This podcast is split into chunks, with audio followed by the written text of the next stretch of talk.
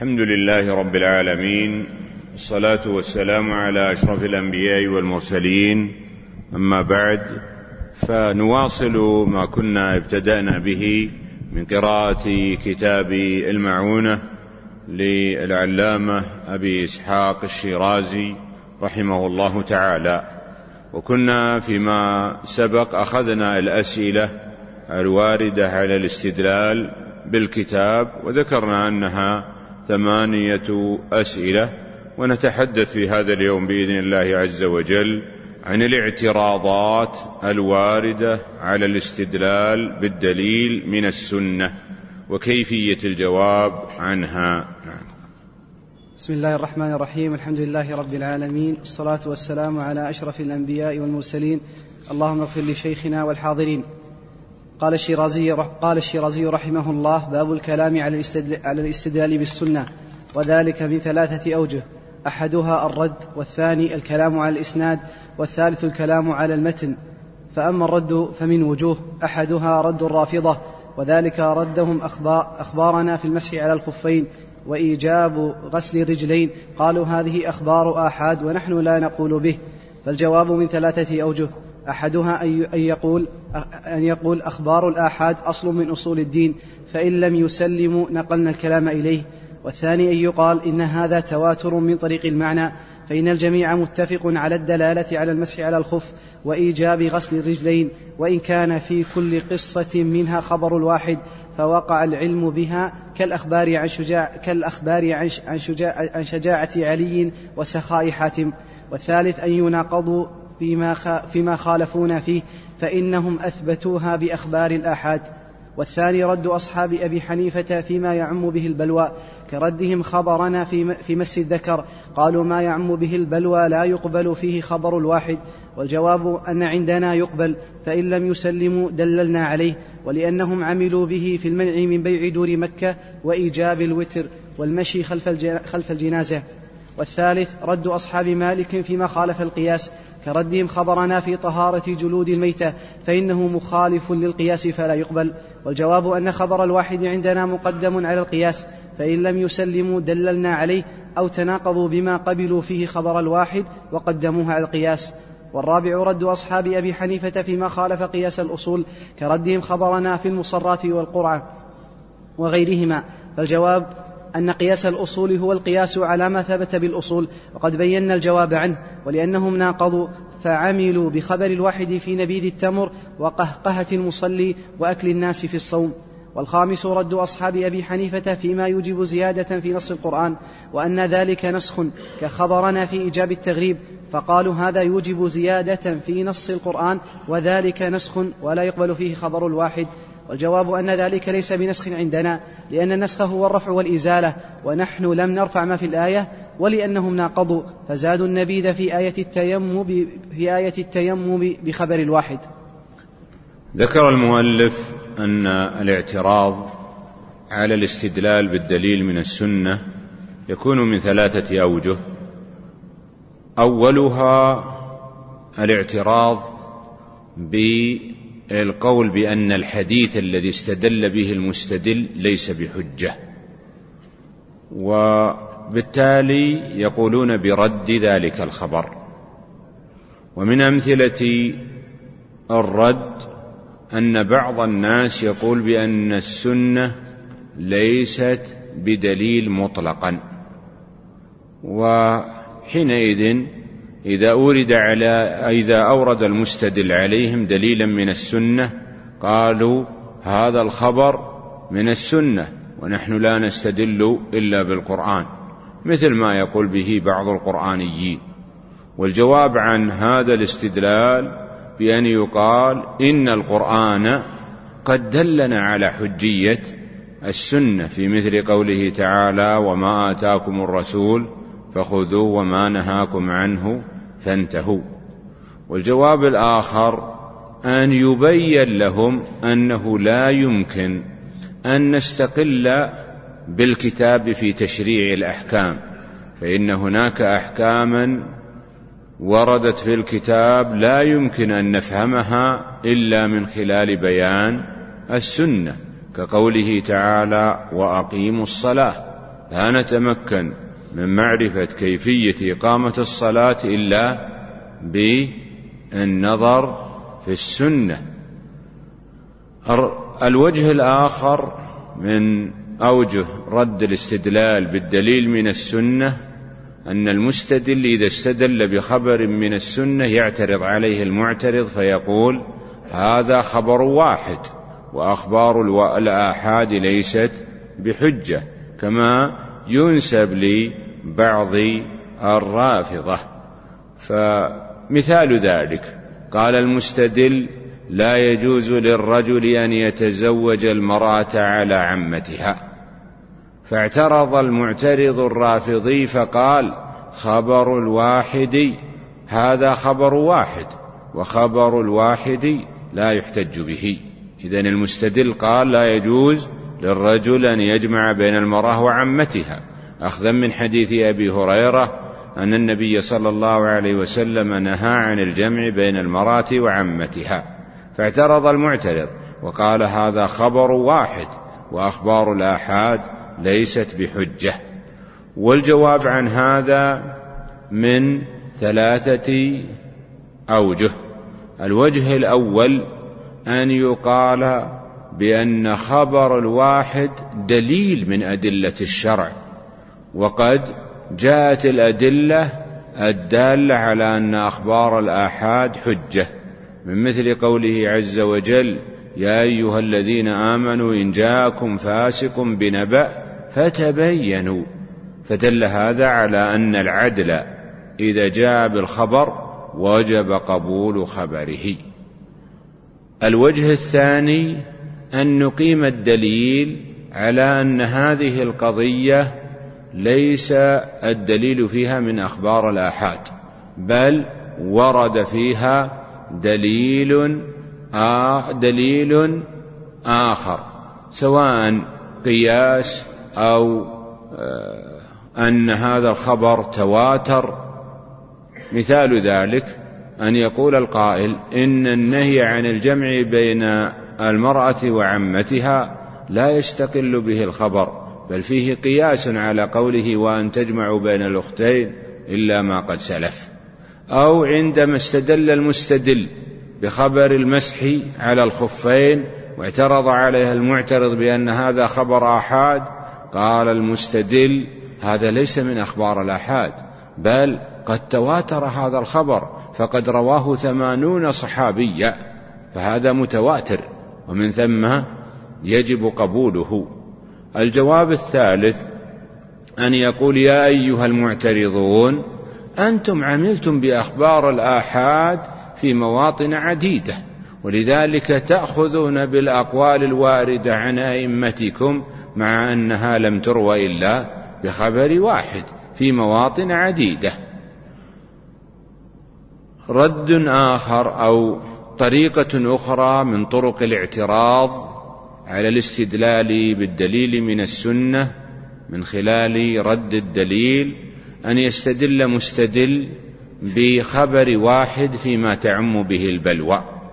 فيعترض عليه بأن هذا خبر واحد فيما تعم به البلوى. مثال ذلك. استدل قال المستدل مس الذكر ينقض الوضوء. واستدل على ذلك بما ورد في حديث بسرة وأبي هريرة أن النبي صلى الله عليه وسلم قال من مس ذكره فليتوضأ. أو قال المستدل بأن من أسلم وجب عليه أن يغتسل. لحديث ثمامة أن النبي صلى الله عليه وسلم آمره لما اغتسل لما أسلم أن يغتسل. فاعترض المعترض وقال هذا خبر واحد فيما تعم به البلوى ومن ثم فلا يقبل لأنه لو كان شرعا عاما لا عممه النبي صلى الله عليه وسلم لأن الذي يحتاج إلى هذا الحكم كثر. ومن ثم كيف نقتصر على خبر واحد في هذه القضية التي تعم بها البلوى. والجواب عن هذا من ثلاثة أوجه. الوجه الأول أن نقول بأن خبر الواحد فيما تعم به البلوى حجة ودليل صحيح. وندلل على ذلك بعموم الأدلة الدالة على حجية خبر الواحد فإنها تشمل خبر الواحد فيما تعم به البلوى. الجواب الثاني أن نقيم الدليل على أن هذا الخبر متواتر أو عضده قياس أو عضده أقوال صحابة فارتفع عن كونه خبر واحد مجرد. الجواب الثالث أن نقول بأنكم يا أيها المخالفون قد استدللتم بأخبار آحاد فيما تعم به البلوى. ومن أمثلة ذلك أنكم قلتم بأن الوتر واجب وإنما استدللتم على ذلك بخبر آحاد. في حديث إن الله زادكم صلاة ما بين صلاة العشاء وصلاة والفجر. هي هو أو هي صلاة الوتر. هذا خبر آحاد. ومع ذلك عملتم به. وهو في مسألة تعم البلوى بها.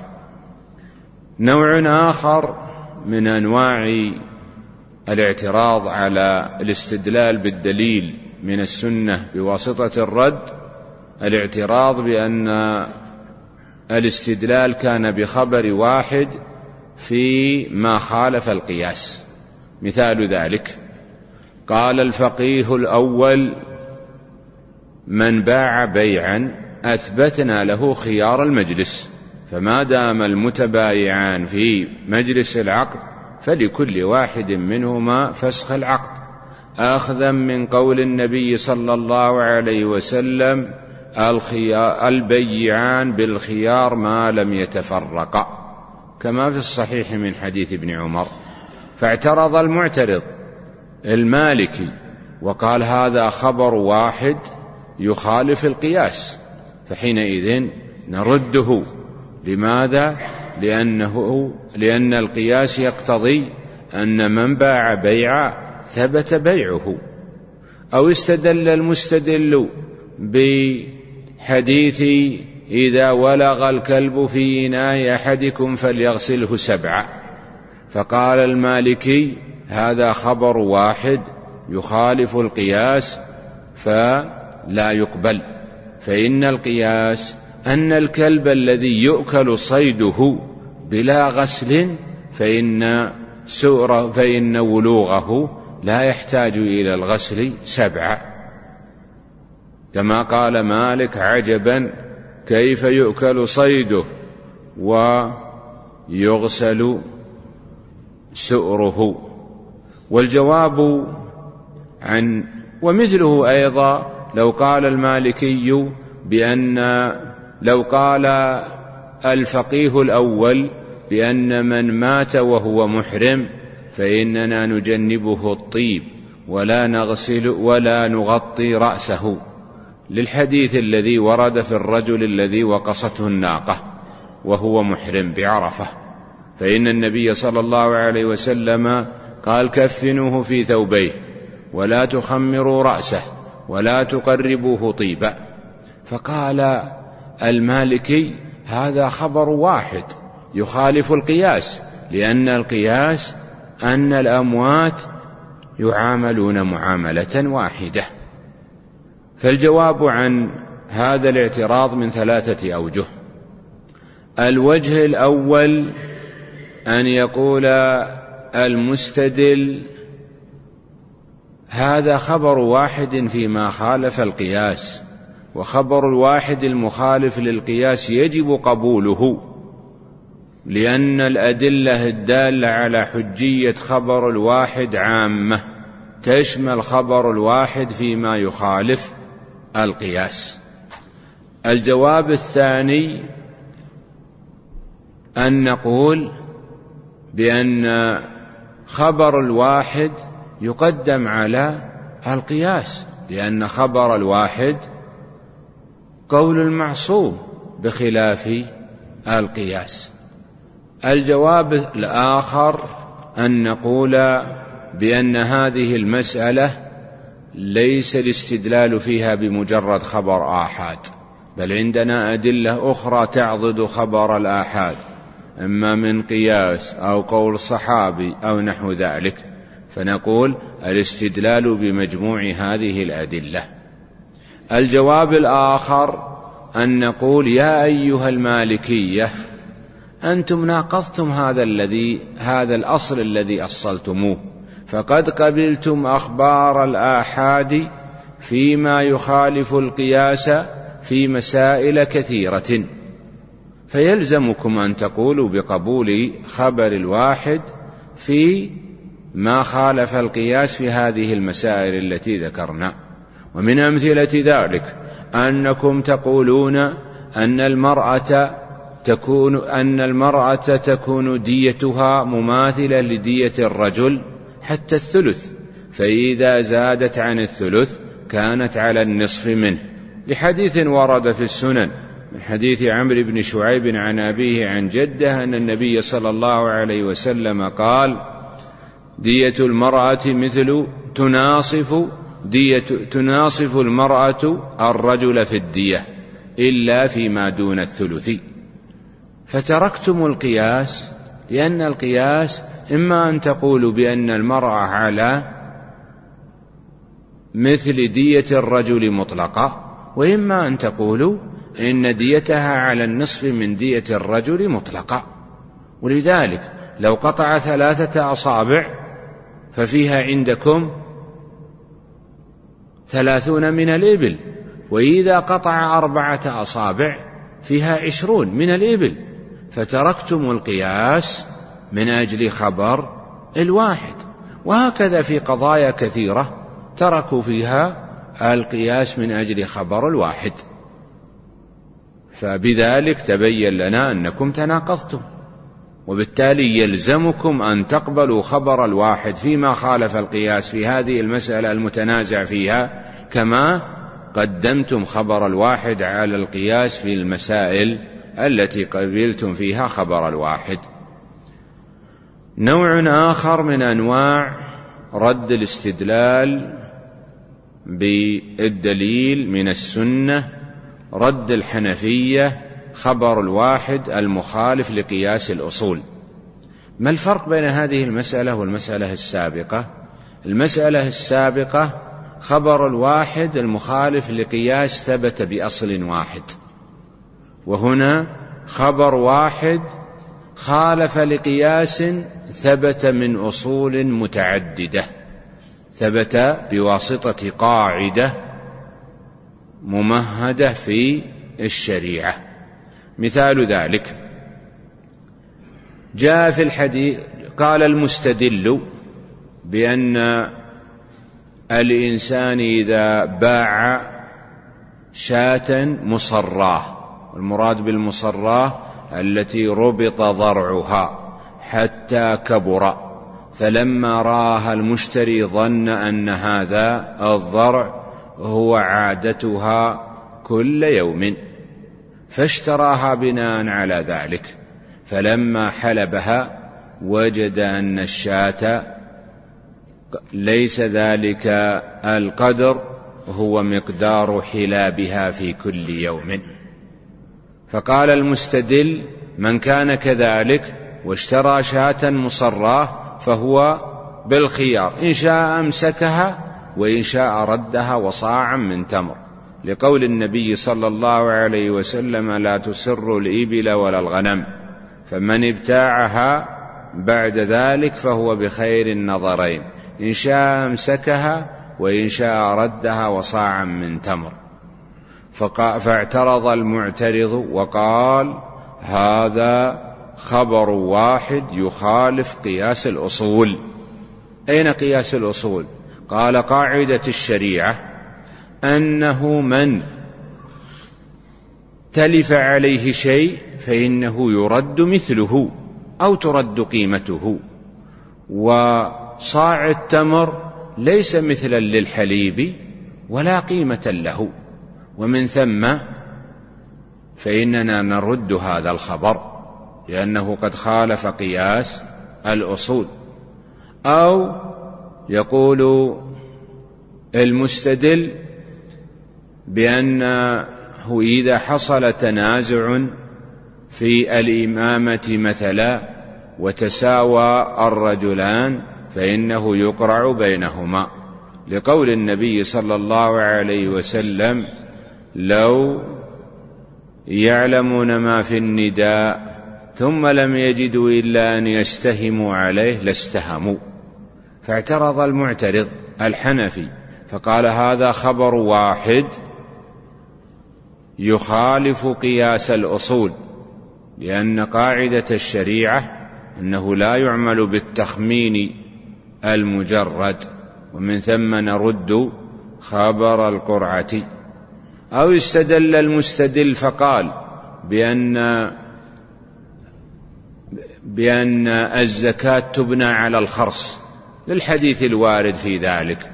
فيعترض المعترض الحنفي فيقول هذا خبر واحد يخالف قياس الأصول لأن الشريعة لا تبني إلا على علم ومن ثم لا تبني على التخرصات فيكون خبر واحد مخالف لقياس الأصول فنرده. والجواب عن الاعتراض بمثل هذا من أوجه. الوجه الأول إثبات أن الخبر أن خبر الواحد المخالف للقياس أو قياس الأصول مقبول بإقامة الأدلة الدالة على حجية خبر الواحد ومنها خبر الواحد المخالف لقياس الأصول. الجواب الثاني أن يبين أن هذا الخبر ليس خبر واحد مجرد بل قد تعاضد بأخبار أخرى أو تعاضد بأدلة أخرى ومن ثم يقوى على معارضة قياس الأصول. الجواب الثالث أن يبين أن هذا الخبر لم يخالف قياس الأصول. فيقول إن قياس الأصول في رد المتلفات إذا كانت معلومة لكن هنا ليس اللبن المأخوذ من الشاة معلوما فكم مقدار اللبن لا نعلمه لأنه قد شربه. وبالتالي لا يخالف قياس الأصول لأن قياس الأصول فيما إذا علم المقدار المتلف. أما هنا فإن المقدار المتلف غير معلوم وبالتالي أحال الشرع إلى أمر يقطع التنازع وهو أن يرد بصاع تمر. الجواب الرابع أن يقول يا أيها الحنفية قد خالفتم هذا التأصيل الذي أصلتموه فإنكم قبلتم خبر الواحد في مسائل عديدة مع مخالفة ذلك الخبر لقياس الأصول. ومن أمثلة ذلك خبر نبيذ التمر. فقد جاء في حديث ابن مسعود أن النبي صلى الله عليه وسلم توضأ بنبيذ التمر وقال ماء طهور وتمرة طيبة. وهذا الخبر خبر ضعيف. ومع ذلك قدمتموه على قياس الأصول لأن قياس الأصول يدل على أن الطهارة لا تكون إلا بالماء. وهكذا في قهقهة المصلي فقد ورد في خبر آحاد ضعيف أن من قهقه في الصلاة فإنه ينتقض وضوءه بذلك فقال به الحنفية. فهنا أخذ الحنفية بخبر واحد يخالف قياس الأصول. لأن الأصل أن ما نقض الوضوء داخل الصلاة ينقضه خارجها. وهم قالوا بأن القهقهة تنقض داخل الصلاة والقهقهة لا تنقض خارج الصلاة. ومن أمثلته أيضا أنهم قالوا بخبر الواحد في أكل الناس في الصوم. فقد قال الحنفية أن من أكل ناسيا وهو صائم صح صومه. أخذا من حديث أبي هريرة أن النبي صلى الله عليه وسلم قال من أكل أو شرب ناسيا فليتم صومه. وبذلك قال الجمهور خلافا للمالكية لكن الكلام أن الحنفية قالوا بهذا الخبر وهو خبر آحاد يخالف قياس الأصول لأن قياس الأصول أن ما أفسد الصوم عمدا أفسده سهوا ونسيانا. فحينئذ هذه القاعدة التي أصلها الحنفية ليست بقاعدة صحيحة. مثال آخر في الاعتراضات الواردة على الاستدلال بالدليل من السنة من خلال الرد. رد الحنفية للأخبار المثبتة للزيادة على نص القرآن. مثال ذلك قال المستدل بأن الزاني البكر يجلد مئة ويغرب عاما. لحديث خذوا عني خذوا عني. قد جعل الله لهن سبيلا. البكر بالبكر جلد مئة وتغريب عام. وفي الحديث الآخر قال النبي صلى الله عليه وسلم إنما على ابنك الجلد وتغريب عام. فاعترض الحنفي. وقال هذا لأن الحنفية يرون أن الزاني البكر لا يغرب وإنما يجلد مئة. فاعترض الحنفي وقال هذا الخبر الذي استدللتم به خبر آحاد يخا فيه زيادة على نص القرآن. فإن الذي في القرآن الزانية والزاني فاجلدوا كل واحد منهما مئة جلدة. فهذا الخبر الذي استدللتم به فيه زيادة على نص القرآن والزيادة على النص نسخ ولا يجوز لنا أن ننسخ القرآن المتواتر بأخبار آحاد وبالتالي فإنه يرد هذا الخبر لأنه لا يصح نسخ القرآن به. فالجواب عن هذا بأوجه. الوجه الأول أن يبين أن الزيادة على النص ليست نسخا ويقيم الدليل على ذلك فإن النسخ رافع الحكم بالكلية أما الزيادة فليست رفعا للحكم. الجواب الثاني أن يبين أن هذه الزيادة قد ثبتت بأدلة أخرى. ويقيم الدليل على هذا ويورد الأدلة الأخرى. الجواب الثالث أن يقول يا أيها الحنفية قد ناقضتم هذا الأصل وقد زدتم على القرآن بأخبار آحاد في مواطن كثيرة. ومن أمثلة ذلك أن الله عز وجل قال يا أيها الذين آمنوا إذا قمتم إلى الصلاة فاغسلوا وجوهكم إلى قوله فلم تجدوا ماء فتيمموا. فدل هذا على أن الحكم مجرد أن حكم الوضوء إنما هو بالماء فقط. ومع ذلك قلتم بالزيادة على النص فأخذتم بخبر النبيذ بخبر الوضوء بالنبيذ وهو زيادة على النص. فناقضتم الأصل الذي أصلتموه. ومن أمثلة ذلك أيضا أن يقول القائل منهم أن يقول ما في مسألة الطهارة للوضوء. قال الفقيه المالكي يشترط في الطواف الطهارة.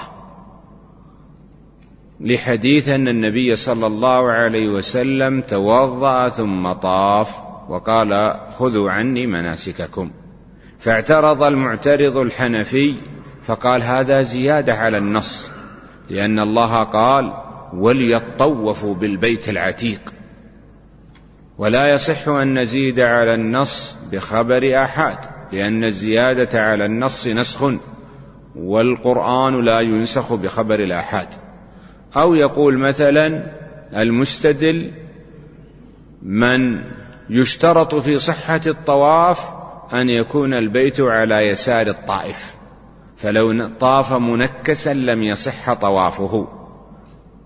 لأن النبي صلى الله عليه وسلم طاف وقد جعل البيت على يساره. فاعترض المعترض الحنفي فقال هذا الحديث زيادة على النص القرآني. في قوله وليطوفوا بالبيت العتيق حيث لم يذكر هذا الشرط. والزيادة على النص نسخ ولا يصح نسخ القرآن بأخبار الآحاد. فالجواب عنه بهذه الأجوبة السابقة التي ذكرت. نعم. أحسن الله إليكم. قال الشيرازي رحمه الله وأما الإسناد فالكلام فيه من وجهين أحدهما المطالبة بإثباته فهذا يكون في الأخبار التي لم توقف في السنن. ولم تسمع إلا من المخالفين كاستدلال الحنفي في صدقة البقر بأن النبي صلى الله عليه وسلم قال في أربعين مسنة وفيما زاد فبحسابه والجواب أن يبين إسناده أو يحيل أو يحيله إلى كتاب معتمد والثاني القدح في الإسناد وهو من ثلاثة أوجه أحدها أن يذكر في الراوي سببا يوجب الرد مثل أن يقول إنه كذاب أو مبتدع أو مغفل فالجواب أن يبين للحديث طريق طريقا آخر. والثاني أن يذكر أنه مجهول فالجواب أن يبين للحديث طريقا آخر أو يزيل جهالته برواية الثقات عنه أو ثناء أصحاب الحديث عليه والثالث أن يذكر أنه, أن يذكر أنه مرسل فالجواب أن يبين أنه مسند أو يقول المرسل كالمسند إن كان ممن يعتقد قبول المراسيل وأضاف أصحاب أبي حنيفة إلى هذا وجوها أخر منها أن يقول السلف ردوه كما ردوه. قال السلف ردوه كما قالوا في حديث القسامة أن عمرو بن شعيب قال والله ما كان الحديث كما حدث سهل. الجواب أنه إذا كان الراوي ثقة لم يرد حديثه بإنكار غيره لأن المنكر ينفي والراوي يثبت والإثبات مقدم على النفي لأن مع المثبت زيادة علم. ومنها أن يقول الراوي أنكر الحديث كما قالوا في قوله صلى الله عليه وسلم أيما امرأة نكحت بغير إذن وليها فنكاحها باطل. راوي راويه الزهري وقد قال لا أعرفه. فالجواب إن إنكار الراوي لا يقدح في الحديث لجواز أن يكون نسيه. ومنها أن يقول راويه لم يعمل به كما قالوا في حديث الغسل من ولوغ الكلب سبعة إن راويه أبو هريرة وقد أفتى بثلاث مرات فالجواب أن الراوي يجوز أن يكون قد نسي في حال الفتيا أو أخطأ في تأويله فلا يترك سنة ثابتة بتركه. ومنها أن يقول هذه الزيادة لم تنقل, لم لم تنقل نقل الأصل. تنقل.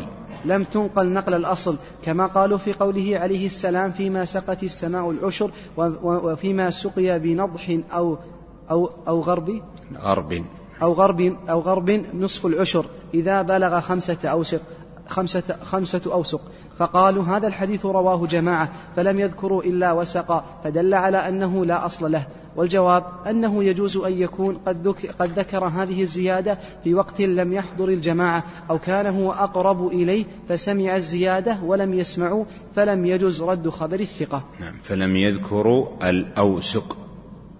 نعم. الله عليك. هذا هو الوجه أو هذا هو النوع الثاني من أنواع الاعتراضات على الاستدلال بالدليل من السنة الاعتراضات الموجهة على الإسناد. والاعتراضات الموجهة على الإسناد على أوجه. الأول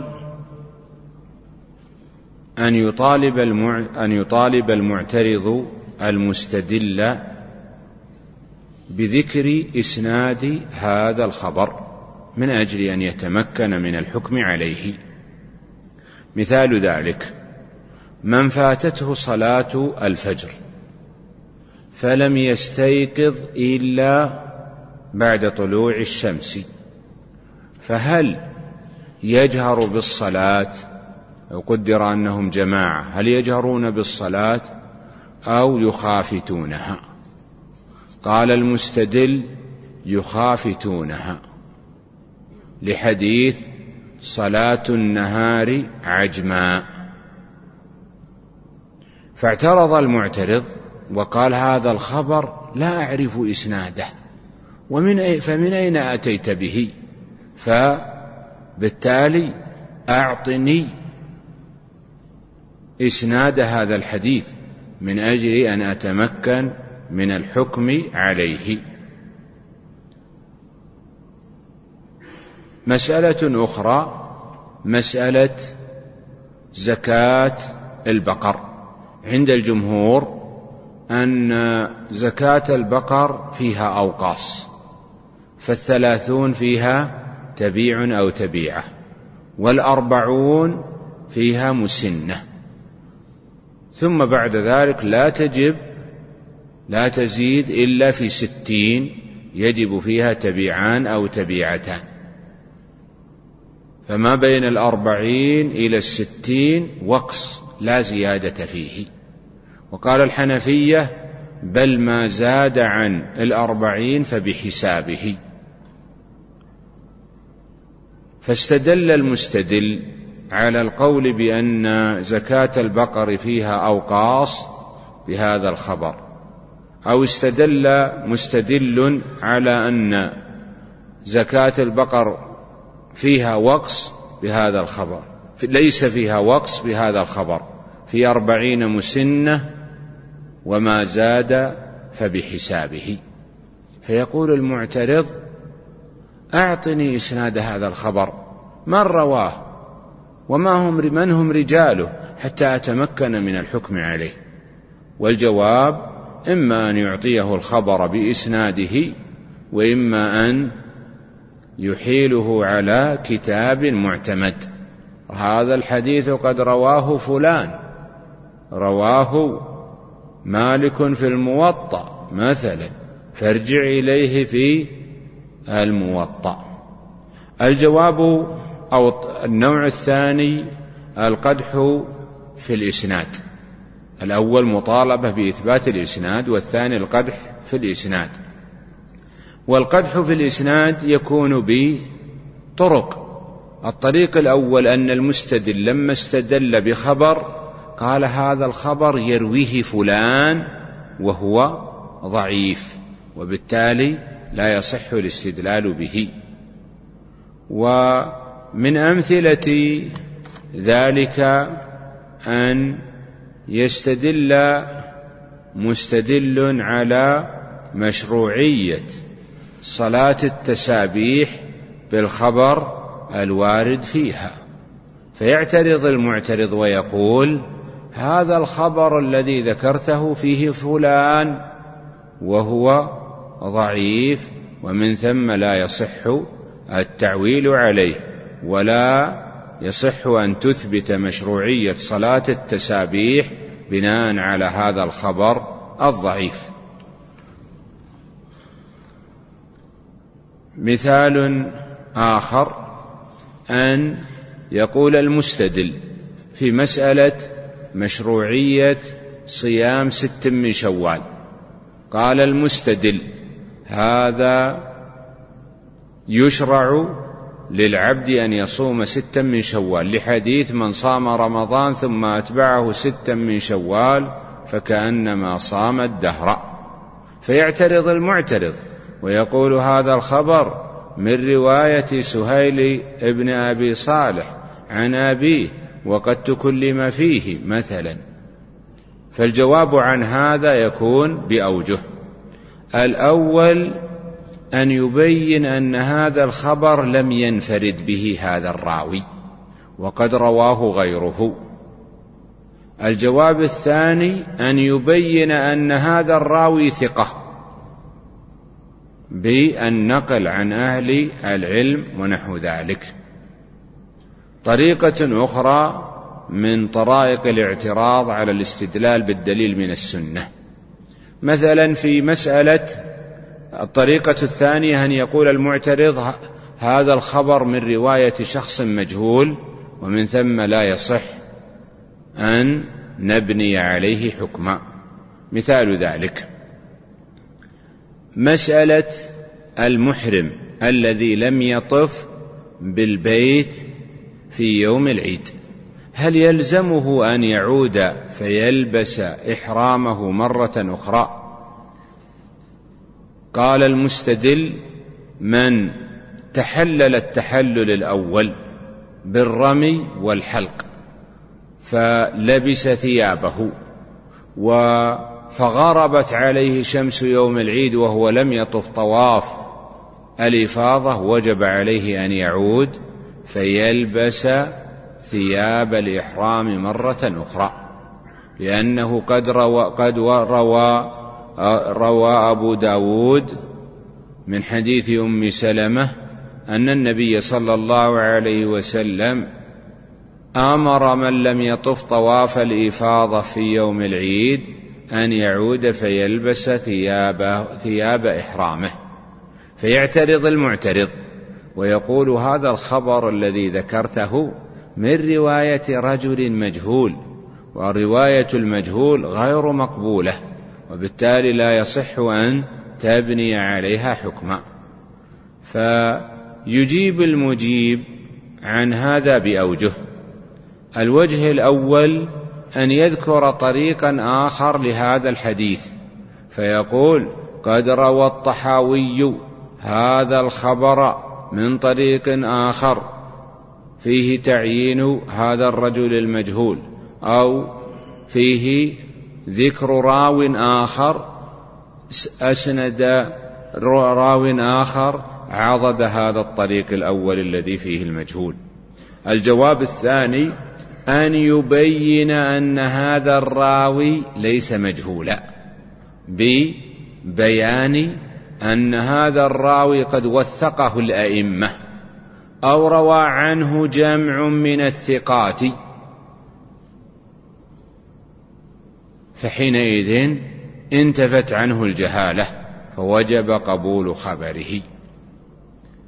الطريقة الثالثة من الطعن في رواية في الراوي أن يذكر أن الحديث مرسل يعني سقط راو من رواته بحيث أن أحد الرواة يروي عن شيخ لم يلقه. فالمرسل عند الأصوليين ليس مماثلا للمرسل عند المحدثين فالمرسل عند المحدثين من سقط الصحابي فيه. بحيث يروي التابعي عن النبي صلى الله عليه وسلم. وأما المرسل عند الأصوليين فإنه من سقط راو من رواة إسناده سواء في أول الإسناد أو في وسطه أو في أعلاه. ولو سقط أكثر من راوي فإنهم يسمونه أيضا مرسلا. فيشمل المعضل. والمعلق والمنقطع والمرسل باصطلاح المحدثين.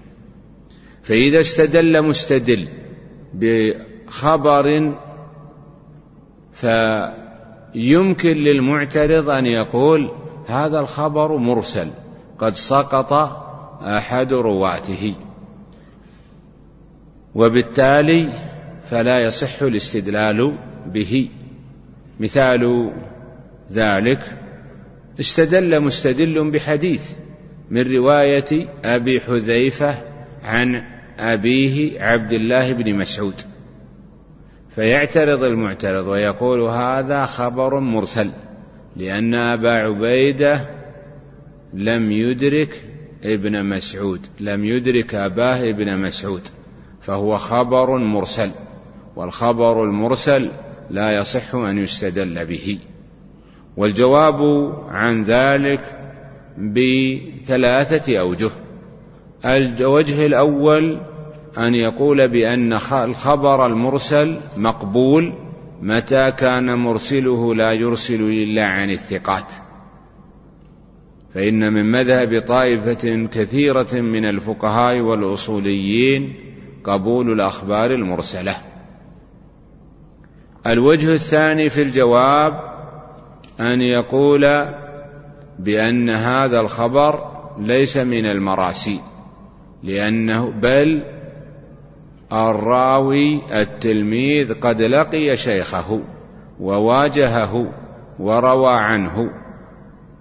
فمن مثل أحاديث الحسن عن سمرة. الوجه الثالث من الجواب أن يبين أن هذا الخبر قد روي بطريق آخر متصل فيجب قبوله. أيضا من أوجه الرد القول بأن السلف قد ردوا هذا الخبر. ومن أمثلة ذلك مسألة المطلقة البائن.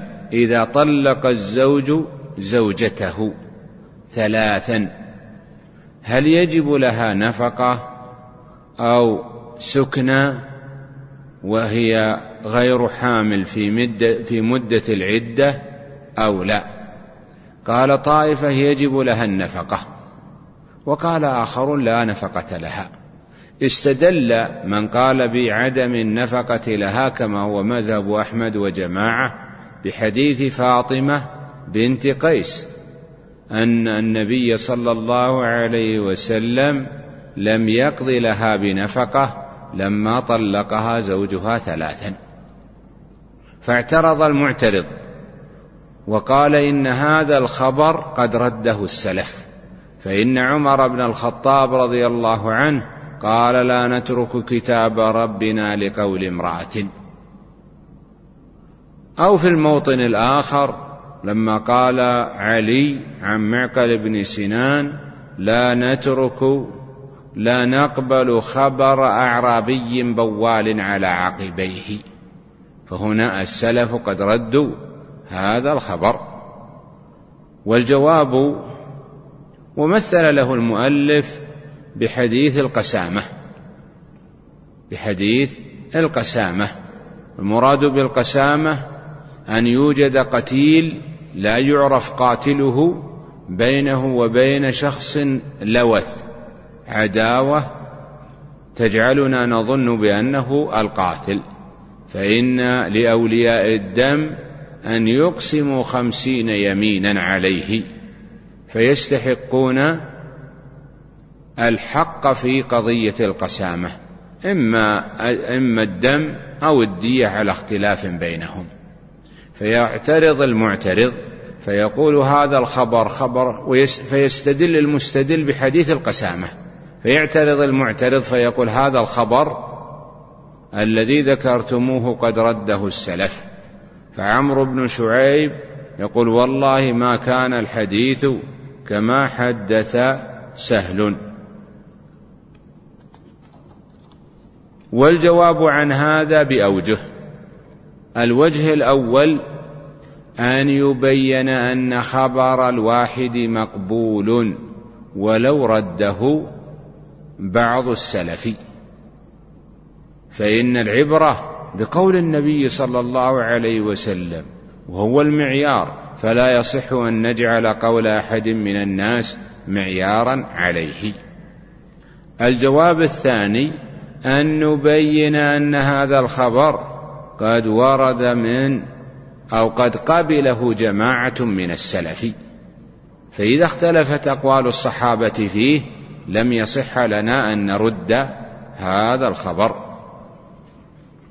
والجواب الثالث أن نقول بأن الراوي من السلف. فحينئذ الراوي عنده زيادة علم لم يطلع عليها المنكر.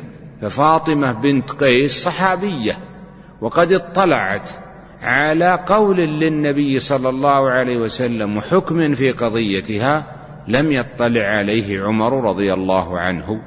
فيقدم قولها المثبت على قول عمر النافي. كذلك من الاعتراضات الواردة على الاستدلال بالدليل من السنة من جهة الرواء من جهة الراوي أو من جهة الإسناد أن يقول المعترض إن الشيخ الذي روى الخبر قد أنكر على تلميذه رواية هذا الخبر فإذا أنكر الشيخ لم تقبل الرواية. إنكار الشيخ للخبر على طريقتين. الأول على جهة التكذيب والجزم فحينئذ لا تقبل رواية التلميذ لأن أحدهما كاذب إما الشيخ أو التلميذ. ولا يكون قدحا في أحدهما. النوع الثاني أن ينكر الراوي الخبر على جهة غير جهة الجزم. كان يقول الراوي الشيخ لا أذكر هذا الخبر. فحينئذ هل تقبل رواية التلميذ عن شيخه؟ الجمهور قالوا نعم تقبل والحنفية قالوا لا تقبل. مثال ذلك في مسألة النكاح بلا ولي. قال الجمهور لا يصح نكاح بلا ولي لحديث أيما امرأة نكحت بغير إذن وليها فنكاحها باطل. فاعترض المعترض. وقال إن هذا الخبر قد رواه الزهري عن سهيل بن أبي صالح ثم إن سهيلا قال بعد ذلك لا أذكر أني حدثت الزهري بهذا الخبر. فالشيخ أنكر رواية الخبر وبالتالي لا تقبل روايته. والجواب عن هذا من أوجه الأول أن نبين أن الخبر الذي رواه أو الذي أنكره الشيخ مقبول لأن الشيخ نسي والتلميذ حافظ ذاكر وكلاهما ثقة وبالتالي لا يمتنع أن يكون الشيخ قد نسيه وتلميذه ثقة قد حفظه. والجواب الثاني أن نبين أن هذا الخبر قد ثبت بطريق آخر غير طريق هذا الشيخ. وجواب ثالث أن نعضد هذا الخبر بأخبار أو أدلة أخرى. أيضا من طرق الاعتراض على الاستدلال بالدليل من السنة أن يقول المعترض إن الصحابي الذي روى هذا الخبر لم يعمل به ولو كان الخبر صحيحا لعمل به راويه. مثال ذلك حديث إذا ولغ الكلب في إناء أحدكم فليغسله سبعا قال الجمهور إذا ولغ الكلب في الإناء وجب غسله سبعا لهذا الحديث. وقال المالكي أو الحنفي إذا ولغ الكلب في الإناء لم يجب غسله سبعا وأما الحديث الذي ذكرتموه فإنه لا يصح الاستدلال به لأن الراوي له قد أفتى بخلافه. فإن أبا هريرة كان يقول إذا ولغ الكلب في الإناء غسل الإناء ثلاثا. فتركنا خبره من أجل فتواه ورأيه. إذ لو كان الخبر عنده لقال به. والجواب عن هذا من أوجه. الوجه الأول أن يبين أن الخبر مقدم وأن رواية الراوي مقدمة على رأيه لأن الراوي قد يكون نسي الخبر حال الفتية. والجواب الآخر أن يبين أن غير الراوي قد رواه. فيقال هذا الخبر قد ثبت من حديث فلان وفلان غير أبي هريرة. وبالتالي فيكون الخبر ثابتا من طريق جماعة من الصحابة. طريق آخر أو طريق آخر من طرق الاعتراض على الاستدلال بالدليل من السنة وهو القول بأن هذا اللفظ الذي ذكرته في استدلالك فيه زيادة وزيادة الراوي غير مقبولة. أنتم تعرفون أن الزيادة على أنواع. إن كانت في حديث مستقل فهي مقبولة. وإن كانت الزيادة في نفس المجلس فإنها لا تقبل لأنها شاذة. وإن كانت في مجالس مختلفة أو جهل الحال وقع الاختلاف فيه. فقال طائفة زيادة الثقة مقبولة. وقال طائفة بعدم قبولها. فإذا استدل مستدل بحديث فيه زيادة فاعترض المعترض بأن هذه الزيادة لم تنقل نقل الأصل فتكون شاذة فلا يصح العمل بها. مثال ذلك في مسألة هل يشترط في إيجاب زكاة الخارج على الأرض نصاب أو لا؟ قال الجمهور لا تجب الزكاة في الخارج من الأرض إلا إذا كان أكثر من خمسة أوسق. والحنفية يرون أن الزكاة في الخارج من الأرض تجب في القليل والكثير.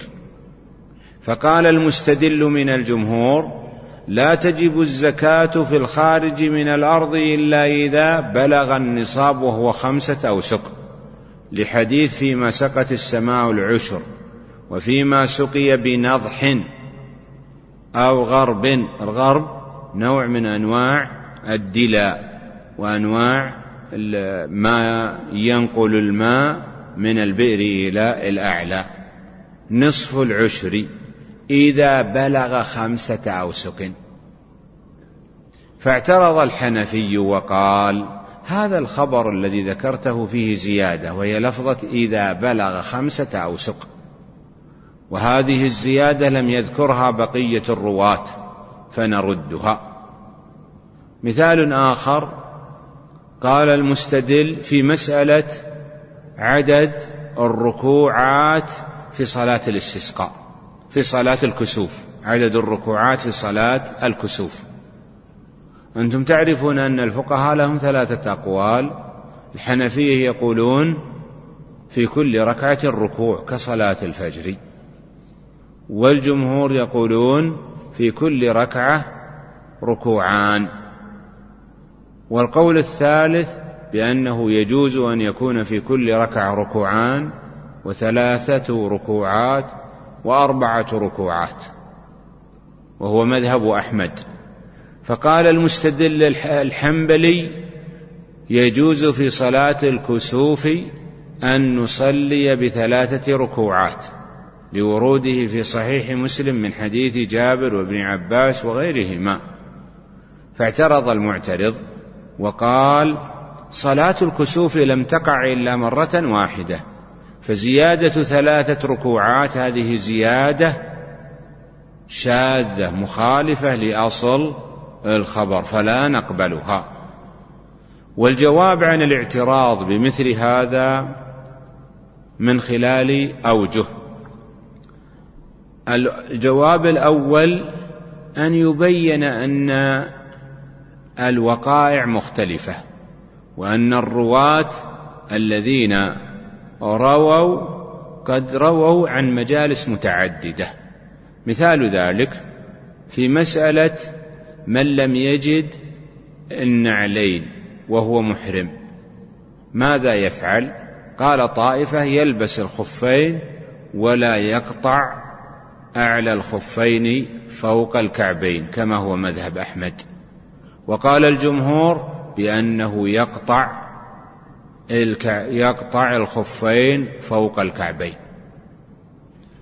فيستدل المستدل في إثبات القطع بحديث ابن عمر أن النبي صلى الله عليه وسلم قال من لم يجد الخفين من لم يجد النعلين فليلبس خفين وليقطعهما أعلى من الكعبين. فيعترض المعترض ويقول عندنا في الخبر بدون هذه الزيادة من حديث ابن عباس أن النبي صلى الله عليه وسلم قال من لم يجد النعلين فليلبس الخفين ولم يذكر القطع. فيجيب المجيب يقول هنا حديثان. الحديث الأول حديث ابن عمر قاله النبي صلى الله عليه وسلم في الطريق من المدينة إلى مكة. والثاني حديث ابن عباس قاله النبي صلى الله عليه وسلم بعرفة. وبالتالي لا يصح أن نعترض عليه لأن هذه الزيادة ثابتة عن النبي صلى الله عليه وسلم فلا يصح أن يقال بأنها شاذة. الجواب الثاني أن يقال إن رواية الزيادة أرجح من رواية عدم الزيادة ويأتي بوجه من وجوه الترجيح. هذا ما يتعلق بالاعتراض على الاستدلال بالخبر من السنة بواسطة الإسناد أو فيما يتعلق بأمور الإسناد. نعم. أحسن الله إليكم. قال الشيرازي قال الشيرازي رحمه الله وأما المتن فهو ثلاثة قول وفعل وإقرار فأما القول فضربان مبتدأ وخارج على سبب فالمبتدأ كالكتاب يتوجه عليه ما يتوجه على الكتاب. وقد بيناه إلا أني أعيد القول في السنة لأنه أوضح أمثلة وربما اتفق فيه زيادة لم تذكر في الكتاب. والاعتراض على المتن من ثمانية أوجه أحدها أن يستدل بما لا يقول به وذلك من ثلاثة أوجه. فمنها أن يستدل بحديث وهو ممن لا يقبل مثل ذلك الحديث كاستدلالهم بخبر الواحد فيما يعم به البلوى أو فيما يخالفه القياس وما أشبه ذلك مما لا يقول فيه بخبر الواحد. والجواب أن يقول إن كنت أنا أقول إن كنت أنا لا أقول به إلا أنك تقول به وهو حجة عندك فلزمك العمل به. والثاني أن يستدل فيه بطريق لا يقول به مثل أن يستدل بدليل الخطاب وهو لا يقول به كاستدلاله في إبطال خيار المجلس بما روي أن النبي صلى الله عليه وسلم نهى عن بيع الطعام حتى يقبض فدل على أنه إذا قبضه جاز بيعه وإن كان في المجلس. فيقال له هذا استدلال بدليل الخطاب وأنت لا تقول به. والجواب أن يقول هذه طريقة لبعض أصحابنا وأنا ممن أقول به أو, أو وأنا ممن أقول به أو, أو أن يقول إن هذا بلفظ الغاية وأنا أقول به فيما علق الحكم فيه على الغاية. والثالث أن لا يقول به في الموضع الذي ورد فيه كاستدلالهم على أن الحر يقتل بالعبد بقوله صلى الله عليه وسلم من قتل عبده قتلناه فيقال ما تناوله الخبر لا نقول به فإنه لا خلاف أنه لا يقتل بعبده وقد تكلف بعضهم الجواب عنه بأنه لما وجب القتل على الحر بقتل عبده دل على أنه يقتل بعبد غيره أو لا. ثم دل الدليل على أنه لا يقتل بعبده فبقي قتله بعبد, بعبد غيره على ما اقتضاه. والاعتراض الثاني أن يقول بموجبه وذلك على وجهين أحدهما أن يحتج المستدل بأحد الوضعين فيقول للسائل بموجبه بالحمل على الوضع الآخر مثل أن يستدل الشافعي في نكاح المحرم بقوله صلى الله عليه وسلم لا ينكح المحرم ولا ينكح. ينكح. لا ي... لا ينكح ولا ينكح. لا ينكح المحرم ولا ينكح. ينكح. لا ينكح المحرم. لا ينكح ولا ينكح. لا ينكح المحرم ولا ولا ينكح. نعم.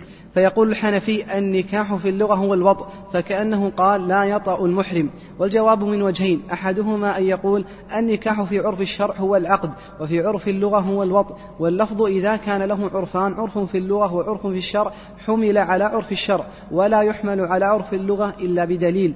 والثاني أن يبين بالدليل من سياق الخبر أو غيره أن المراد به العقد إن أن, أن المراد به العقد.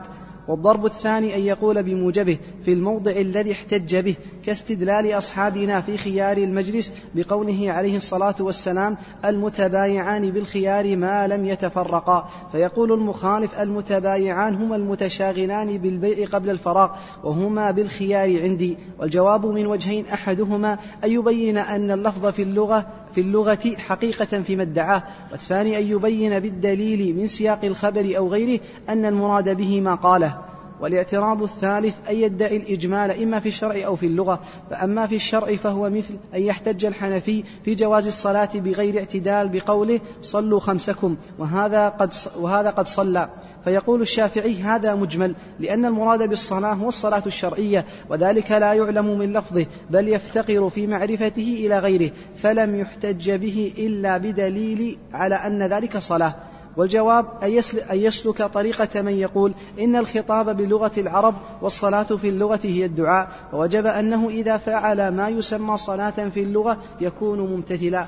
وأما المجمل في اللغة فمثل أن يستدل الحنفي في تضمين الرهن بقوله صلى الله عليه وسلم الرهن بما فيه فيقول له الشافعي هذا مجمل لأنه يفتقر إلى تقدير إلى تقدير مضمن فيحتمل أن يكون معناه الرهن مضمون بما فيه ويحتمل أن يكون معناه محبوس بما فيه فوجب أن يتوقف فيه. والجواب أن يدل على أن المراد به ما ذكروه إما من جهة الوضع أو من جهة الدليل. والاعتراض الرابع المشاركة في الدليل وذلك مثل أن يستدل الحنفي في مسألة الساجة. نعم الساجة. نعم. أحسن الله عليكم والاعتراض الرابع المشاركة في الدليل وذلك مثل أن يستدل الحنفي في مسألة الساجة بقوله صلى الله عليه وسلم لا ضرر ولا ضرار في نقض دار الغاصب ورد الساجة إضرار فوجب أن لا يجوز. فيقول الشافعي هذا حجة لنا لأن في إسقاط حق المالك من عين ماله والإحالة على ذمة الغاصب إضرارا به فوجب أن لا يجوز ذلك. والجواب أن يبين, أن يبين المستدل أنه لا إضرار على المالك فإنه يدفع إليه القيمة فيزول عنه الضرر. والاعتراض الخامس باختلاف الرواية مثل أن يستدل الشافعي على في جواز العفو عن القصاص من غير رضا الجاني بقوله صلى الله عليه وسلم فمن قتل بعد ذلك فأهله بين خيرتين إن أحبوا قتلوا وإن أحبوا أخذوا العقل فيقول المخالف قد روي إن أحبوا فأدوا والمنادات مفاعلة ولا يكون ذلك بالتراضي. والخبر خبر واحد فيجب التوقف فيه حتى يعلم أصل الحديث. الجواب أنه قد روي الجميع والظاهر منهما الصحة فيه فيصير كالخبرين فيجمع بينهما فنقول يجوز بالتراضي وبغير التراضي وهم لا يقولون بما رويناه. الاعتراض السادس النسخ وذلك من وجوه أن ينقل أن ينقل نسخه صريحا. والثاني أن ينقل ما ينافيه متأخرا فيدعي نسخه به والثالث أن ينقل عن الصحابة العمل بخلافه ليدل على نسخه والرابع أن يدعي نسخه بأنه شرع من قبلنا وأن وأنه وأنه وأنه نسخه شرعنا. فأما النسخ بالتصريح فهو أن يستدل أصحابنا في طهارة جلود الميتة بالدباغ بقوله صلى الله عليه وسلم أيما إهاب دبغ فقد طهر. فيقول الحنفي هذا منسوخ بقوله عليه الصلاة والسلام كنت رخصت لكم في جلود الميتة فإذا أتاك حنبلي ليس الحنفي. سم. الحنبلي. فيقول أحسن الله عليكم.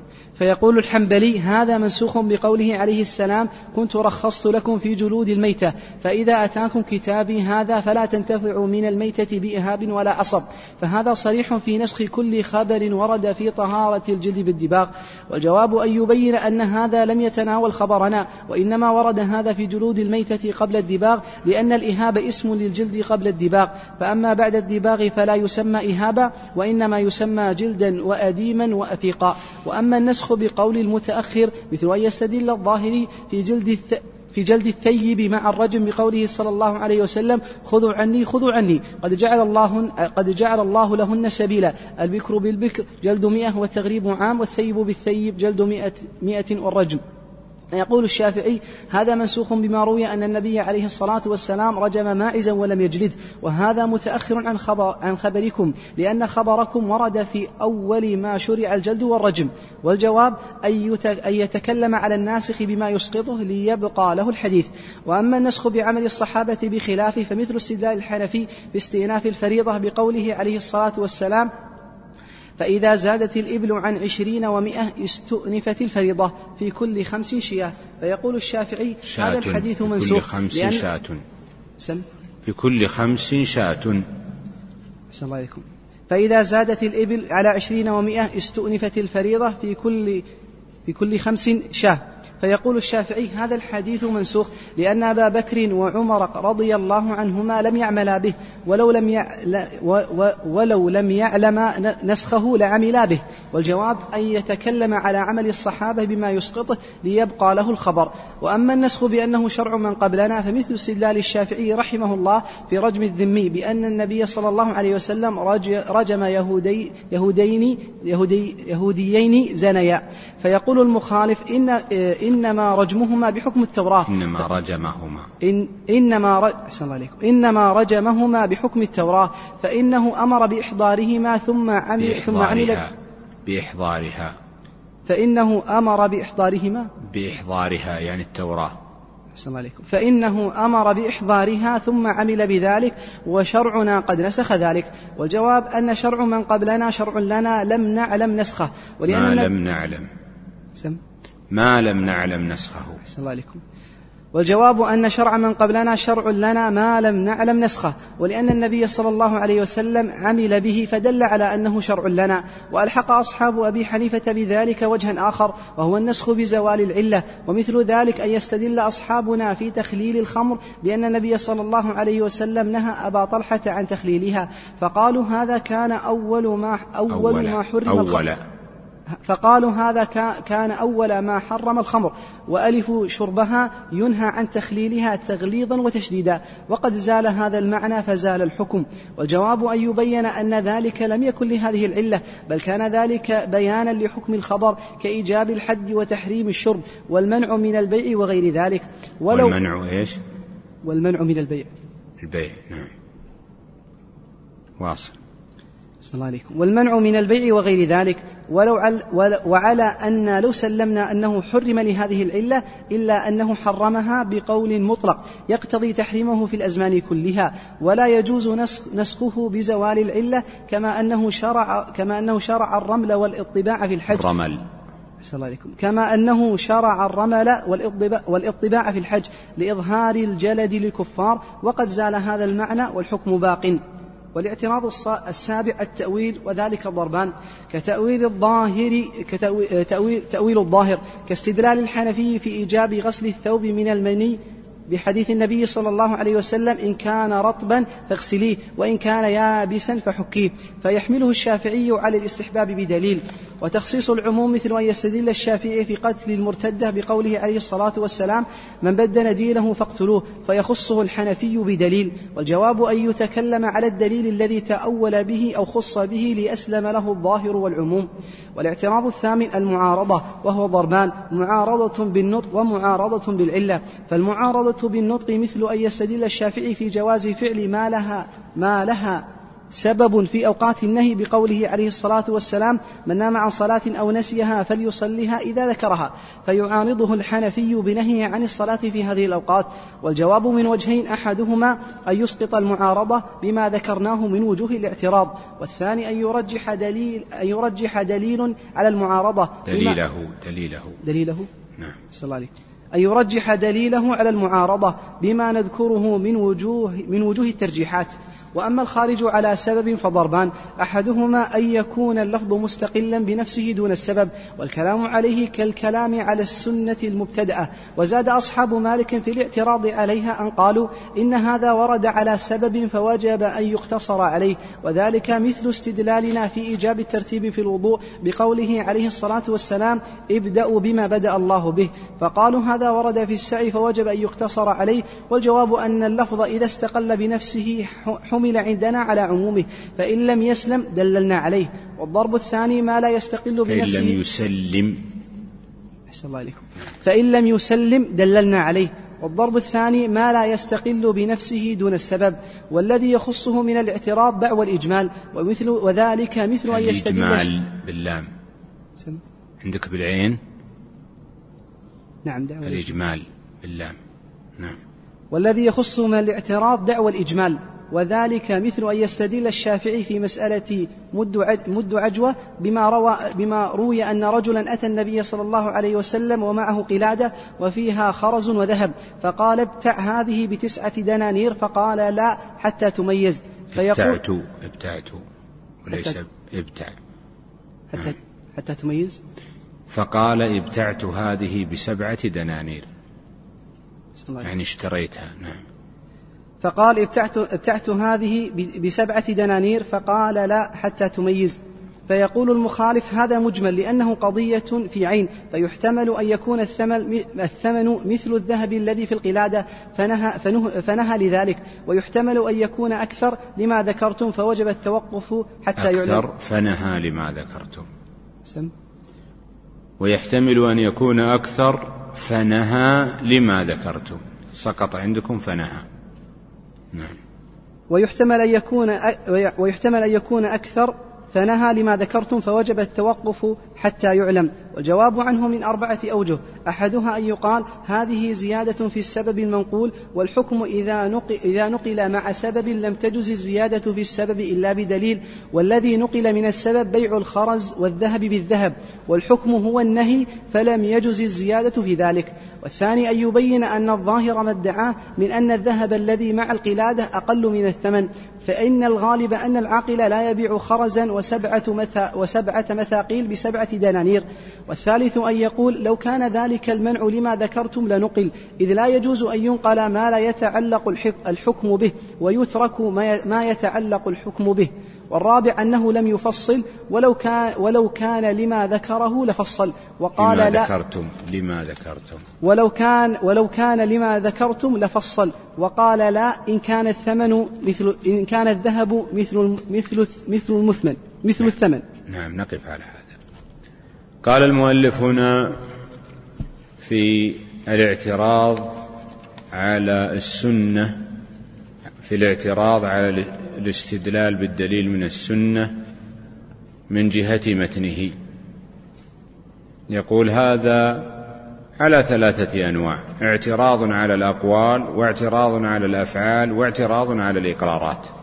نتكلم عن القسم الأول وهو الاعتراض على الاستدلال بالدليل السنة من جهة متنه القولي. فيقول متن السنة على نوعين مبتدأ وهو الذي قاله النبي صلى الله عليه وسلم بدون سبب. والاعتراض على المبتدأ يماثل الاعتراض على الاستدلال بالدليل من الكتاب الذي ذكرناه من ثمانية أوجه. وأعاد المؤلف الكلام هنا لوجود أمثلة ليست موجودة في الكتاب. الاعتراض الأول أن يقول المعترض يا أيها المستدل أنت لا تقول بهذا النوع من أنواع الدليل فهذا النوع من أنواع الدليل ليس حجة عندك فكيف تستدل به؟ مثال ذلك أن يستدل حنفي بخبر واحد فيما تعم به البلوى أو يستدل مالكي بخبر واحد فيما يخالف القياس. فيقول المعترض أنت لا تقول بخبر الواحد في هذا النوع فكيف تقبله؟ مثال ذلك في مسألة أن المرأة تكون مماثلة في ديتها للرجل حتى النصف حتى الثلث. وما زاد على الثلث تناصفه. قال المالكي بذلك أخذا بالحديث الوارد في السنن. فاعترض عليه المعترض وقال أنت لا تقول بذلك. أخبار الآحاد إذا خالفت القياس ليست حجة عندك. فكيف تقول بذلك هنا؟ هذا يخالف القاعدة التي تؤصلها. ومثله لما استدل الحنفي بأن القهقه في الصلاة تنقض الوضوء. أخذا من الحديث الوارد في هذا فاعترض عليه المعترض قال هذا خبر واحد فيما تعم به البلوى وأنت لا تقول به. فكيف تتناقض وتستدل بخبر واحد فيما تعم به البلوى؟ والجواب عن هذا من ثلاثة أوجه. الوجه الأول أن يبين أن هذا الخبر ليس من هذا النوع فيقول هذا الخبر ليس مخالفا للقياس مثلا أو ليس فيما تعم به البلوى وبالتالي فأنا أقول به. الجواب الثاني أن يبين أن الخبر متواتر وبالتالي يقبل هذا الخبر. الجواب الثالث أن يقول أنا وإن لم أقل بهذا النوع لكنك تقول به فيلزمك أنت فأنا أعارضك بناء على تأصيلك أنت لا على تأصيلي أنا.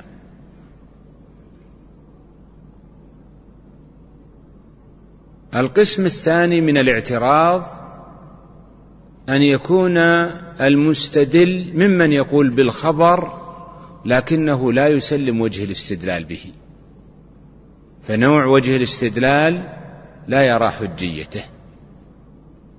مثال ذلك دلالة الإشارة مختلف فيها.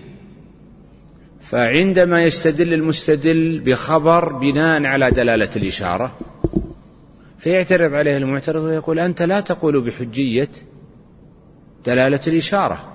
صحيح الخبر ثابت لكنه لا يستدل به إلا على طريقة دلالة الإشارة وأنت لا تقول به. مثال ذلك حديث أليست إحداكن تجلس شطر دهرها لا تصلي؟ في حديث النساء ناقصات عقل ودين. قال المستدل هذا يدل على أن الحيض يصل إلى أن أكثر الحيض خمسة عشر يوما. فيعترض عليه المعترض ويقول هذا الاستدلال استدلال بدلالة الإشارة وأنت لا تقول بدلالة الإشارة. دلالة الإشارة هو أن يكون هناك معنى مأخوذ من اللفظ وهذا اللفظ ليس مقصود وهذا المعنى ليس مقصودا باللفظ.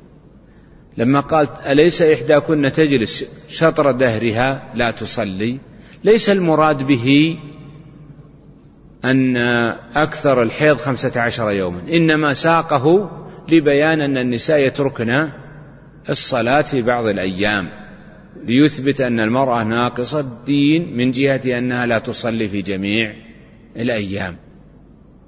فهنا الاستدلال بأن هذا الحديث يدل على أن أكثر الحيض خمسة عشر يوما هذا استدلال بدلالة الإشارة فهو الاستدلال بمعنى مأخوذ من اللفظ لم يسق اللفظ من أجله.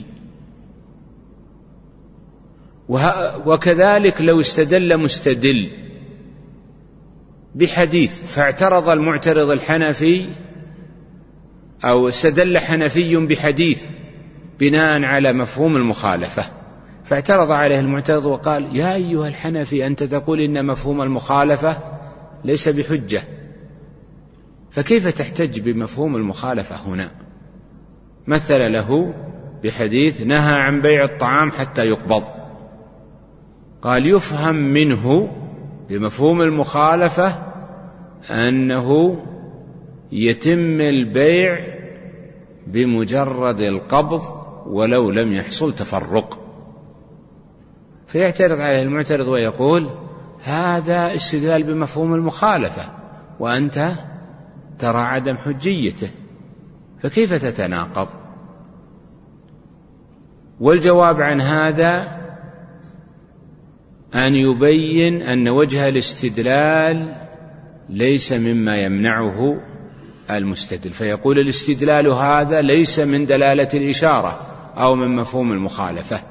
بل هو استدلال بدلالة التنبيه أو دلالة الإيماء أو نحو ذلك.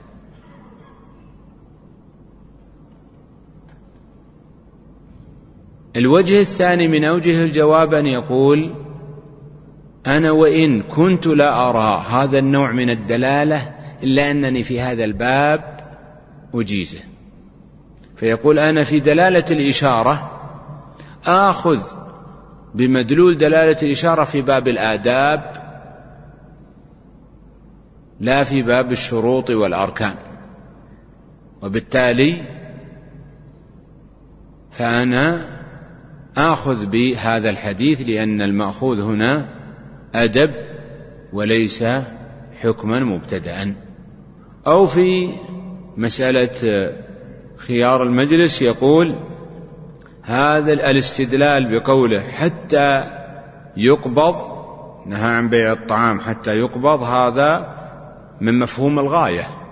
وأنا وإن كنت أقول بعدم حجية مفهوم المخالفة إلا أنه في إلا أن مفهوم المخالفة في باب الغاية أقبله. مفهوم الغاية أقبله.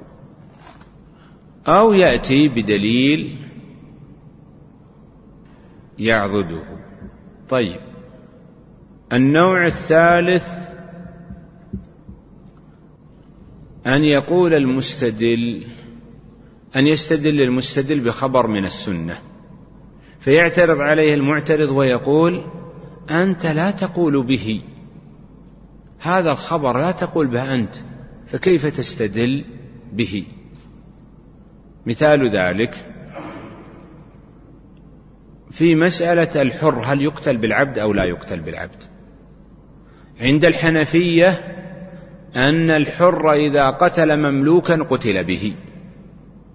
وعند الجمهور يقولون لا يقتل الحر بالمملوك. استدل مستدل من الحنفية بحديث من قتل عبده قتلناه.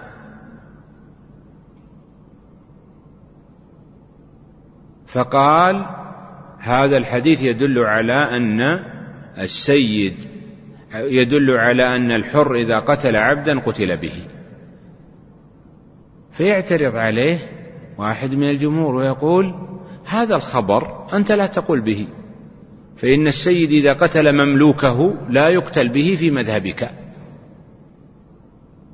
وبالتالي يلزمك أن تقول بأن كل حر إذا قتل مملوكا لا يقتل به ولا يصح لك أن تستدل بالخبر لأنك إذا لم تستدل بالخبر في محل وروده فلا يصح لك أن تستدل بالخبر في غير محل وروده. هناك بعض الناس قال هذا الحديث له منطوق بأن الحر يقتل إذا قتل عبده وله مدلول ومعنى وهو أن الحر إذا قتل عبده عبد غيره قتل به. فنسخ الأول إذا قتل السيد عبده وبقي الثاني. وهذا كلام غير مقبول لأنه إذا نسخ الأصل ينسخ فرعه. وبالتالي هذا جواب غير مقبول. و إذا هذا هو النوع الأول من أنواع رد الخبر أن يبين المعترض أن المستدل لا يقول بذلك الخبر وبالتالي لا يصح له الاستدلال به. الاعتراض الثاني أن يقول المعترض هذا الخبر الذي ذكرته صحيح. ووارد في مسألتنا ويلزمنا القول به لكنك لم تفهم الخبر. فإن الخبر يدل على معنى آخر غير المعنى الذي ذكرته. وبالتالي أقول بالمعنى الثاني. مثال ذلك في مسألة نكاح المحرم الجمهور يقولون من محظورات الإحرام عقد النكاح. ولو عقد النكاح لمحرم فإن العقد باطل. والحنفية يقولون عقد النكاح صحيح للمحرم. فاستدل مستدل على مذهب الجمهور فقال نكاح المحرم عقد النكاح للمحرم لا يصح. لحديث لا ينكح المحرم ولا ينكح لا ينكح يعني لا يكون زوجا ولا ينكح يعني لا يكون وليا. فدل هذا على بطلان عقد النكاح للمحرم. فاعترض المعترض من الحنفية فقال أنا أسلم بالخبر وهو وارد في مسألتنا لكن قوله لا ينكح المحرم يعني لا يطأ. وليس المراد به العقد. فهنا قال الحنفي بالخبر وقال بموجبه ولكن ادعى أن معناه غير ما قاله المستدل. والجواب عن هذا أن يقول إن النكاح في الشرع هو العقد. وليس الوطء ويقيم الدليل على ذلك. والجواب الثاني أن يقول سلمت لك أن النكاح يراد به الوطء لكن عندنا في هذا في هذا الموطن في الحديث هذا الحديث يراد بالنكاح العقد بدلالة كذا ويقيم الدليل عليه.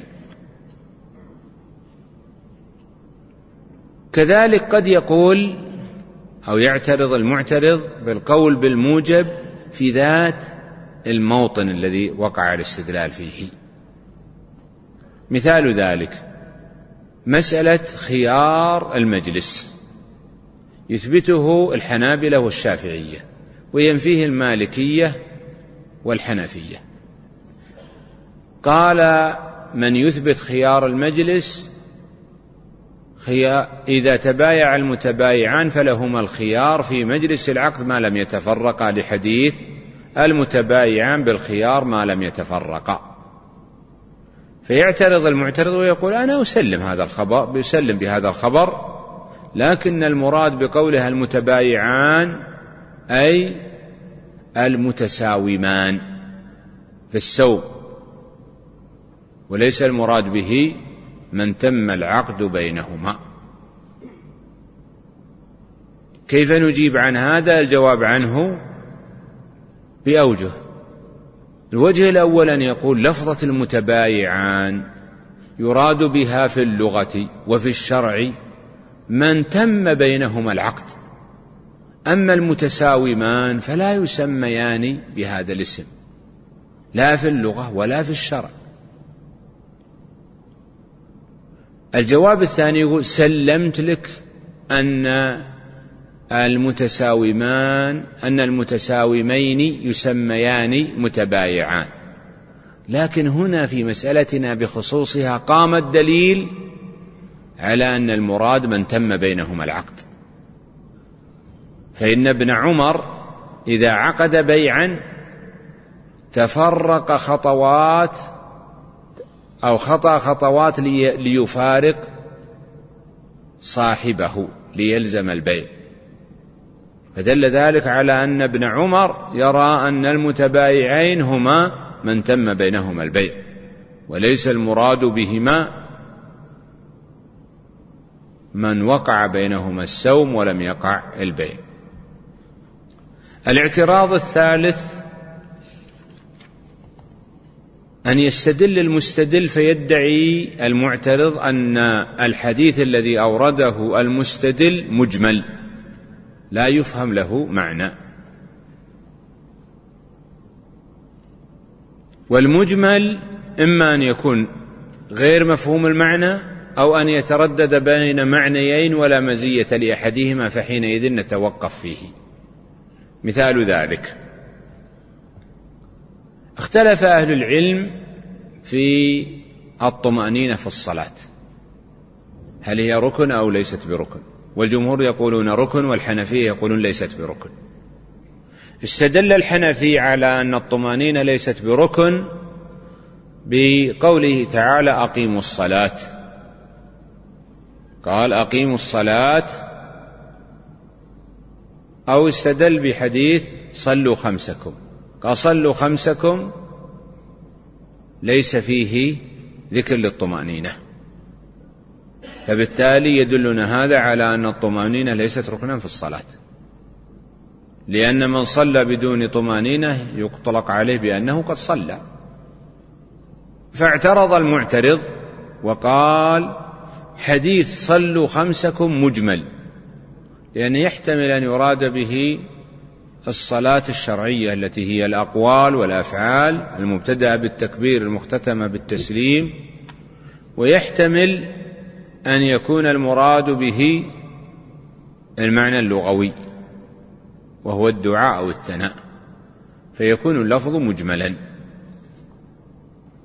والجواب عن هذا من أوجه الأوجه الأول الوجه الأول أن يمنع إرادة اللفظ الثاني فيقول الشريعة جاءت لبيان أحكامها لا لتوضيح اللغة وبالتالي فالمراد بالحديث هو المعنى الشرعي وليس المعنى اللغوي.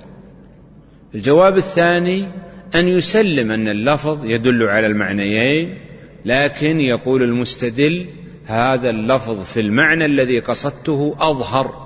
من المعنى الذي قصدته.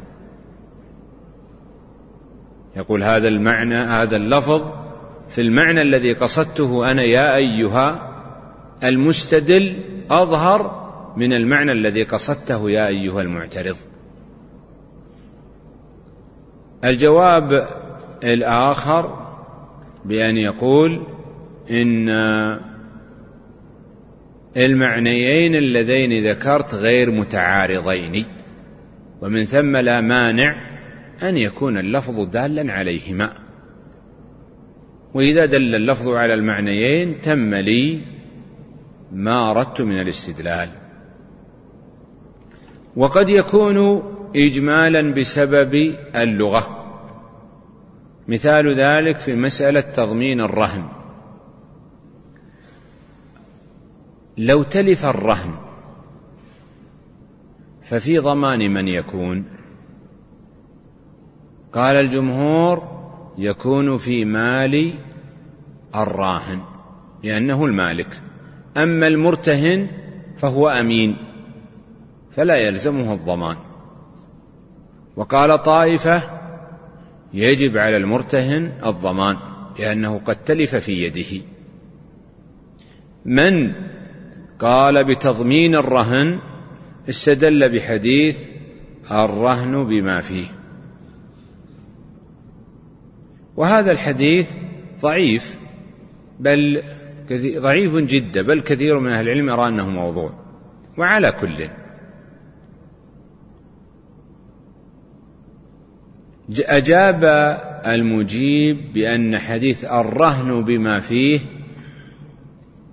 هنا لا يفهم معناه مجردا بل لا بد من تقدير بل لا بد من تقدير. فيحتمل أن يكون التقدير الرهن مضمون بما فيه ويحتمل أن يكون المراد الرهن بما فيه يعني أنه محبوس بمعنى لا يباع. فلما احتمل المعنيين نتوقف فيه حتى يأتي دليل يوضح المراد منه.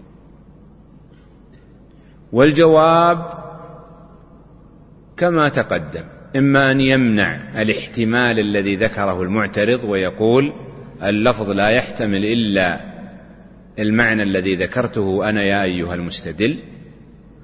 والجواب الثاني أن يسلم دلالة اللفظ على المعنيين لكن يدعي أن لفظ الحديث أظهر في الاحتمال الذي ذكره المستدل.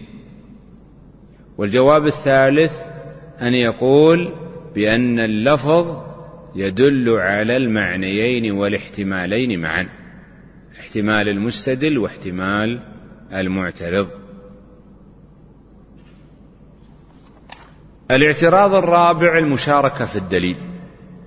فيقول أنا أسلم لك الدليل لكنه يدل على خلاف ما استدللت به. مثال ذلك في مسألة الساجة. إنسان غصب دارا لغيره فوضع فيها مظلة. الغاصب وضع مظلة. المظلة تحتاج إلى حفر وقواعد ويمكن تثبت في الجدران وتلحق الضرر به. الغاصب تمكنا من إلزامه برد البيت المغصوب لصاحبه الأصلي. فقال الغاصب أنا أطلب المظلة التي وضعت الساجة. فماذا يفعل؟ قال طائفة نرد الساجة. ونقول يا أيها المغصوب منه رد هذه المظلة. لأنها ملك للغاصب. وقال طائفة لا نردها. وتكون للمغصوب منه. الذي قال بأنها للمغصوب قال إن نزعها فيه ضرر على الغاصب على المغصوب منه. لأنها لها قواعد في الأرض وقد ثبتت بمثبتات في الجدران وبالتالي ستلحق رفعها من البيت المغصوب سيلحق ضررا بالمغصوب منه. والنبي صلى الله عليه وسلم يقول لا ضرر ولا ضرار. فيعترض المعترض ويقول أنا أقول بهذا الحديث لا ضرر ولا ضرار وهو مناسب في هذه المسألة لكن أيضا لا ضرر على الغاصب.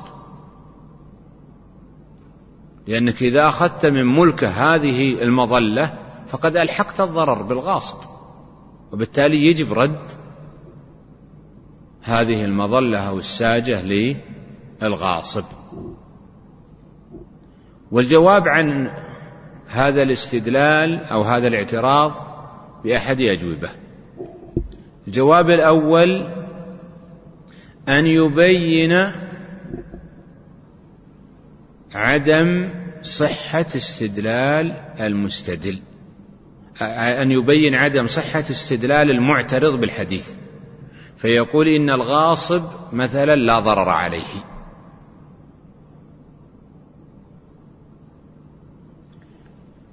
الوجه الثاني أن يسلم الاستدلال أن يسلم المستدل باستدلال أو بصحة استدلال المعترض بالحديث. لكن يقول استدلالي مقدم على استدلالك. كأن يقول في هذه المسألة صحيح هناك ضرر على الغاصب لكن مراعاة رفع الضرر عن المغصوب منه أولى فإنه ضعيف. ثم إن الغاصب قد استوفى منافع من العين المغصوبة. والنبي صلى الله عليه وسلم يقول ليس لعرق ظالم حق.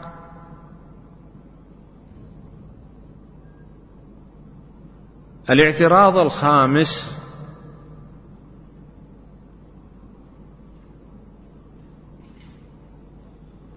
أو ذكر المؤلف جوابا آخر وهو أن يقول بأن استدلال المعترض يمكن دفعه بعوضه.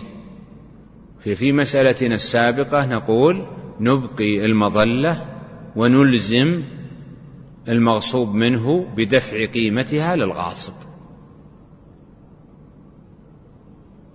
الاعتراض الخامس الاعتراض باختلاف الرواية. فيستدل المستدل بدليل من السنة فيعترض عليه المعترض فيقول هناك رواية أخرى للحديث فيها لفظ كذا وبالتالي لا يصح لك أن تستدل به. مثال هذا هل يجوز للواهب أن يسترجع ما وهب أو لا يجوز له؟ أنا أعطيتك هبة هل يجوز أن أرجعها؟ قال الشافعي يجوز وقال أحمد لا يجوز. استدل المستدل على عدم على جواز الرجوع بحديث العائد في هبته كالكلب يقي ثم يعود. قالوا والكلب لا يحرم عليه العود في القيء فكذلك الواهب لا يحرم عليه العود في الهبة. فاعترض المعترض وقال هناك رواية أخرى في الحديث فيها ليس لنا مثل السوء. مثال آخر. مسألة موجب أو نتيجة وأثر القتل العمد العدوان. هل هو القصاص فقط أو يخيرون بين القصاص والدية؟ قولان. فهناك يترتب عليه ما لو طالب أولياء الدم بالدية. طالب أولياء الدم بالدية. قالوا أعطنا يا أيها الجاني الدية. فقال الجاني لن أعطيكم الدية. إما أن تقتلوني وإلا تعفوا مجانا. فهنا اختلف الفقهاء في هذه المسألة. طائفة يقولون نلزم الجاني بدفع الدية وطائفة يقولون لا نلزمه بذلك. من قال لا يلزم بذلك استدل أو من قال يلزم بذلك استدل بحديث من قتل قتيلا فأهله بين خيرتين إما القتل وإما العقل. قالوا فدل ذلك على أن الجاني يلزم بدفع الدية ولو لم يرضى. فاعترض المعترض فقال هناك رواية في الحديث قال إن أحبوا قتلوا وإن أحبوا فادوا ليس فيها أخذ العقل. والمفادات قالوا فادوا المفادات لا تكون إلا بالتراضي وبالتالي يشترط رضا الجاني. والجواب عن هذا إما بترجيح إحدى ترجيح الرواية التي استدل بها المستدل أو تثبيت الروايتين وجعل الحكمين غير متعارضين. فيقول فادوا هذا طريق صحيح بالتراضي. وإن أحبوا أخذوا العقل هذا طريق آخر. ورد بحديث آخر فليس بينهما تعارض فنثبت الحكمين.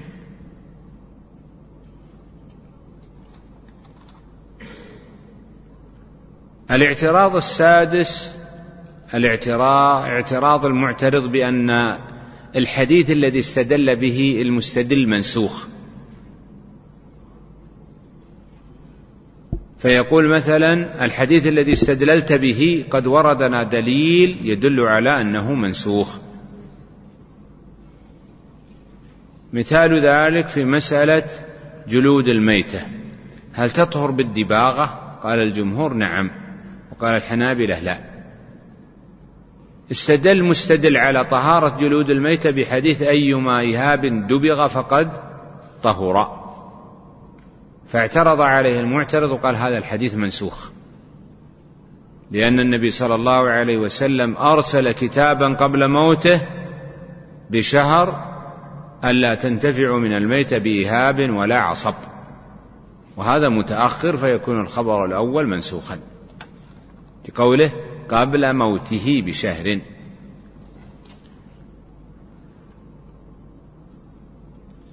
والجواب عن هذا من أوجه.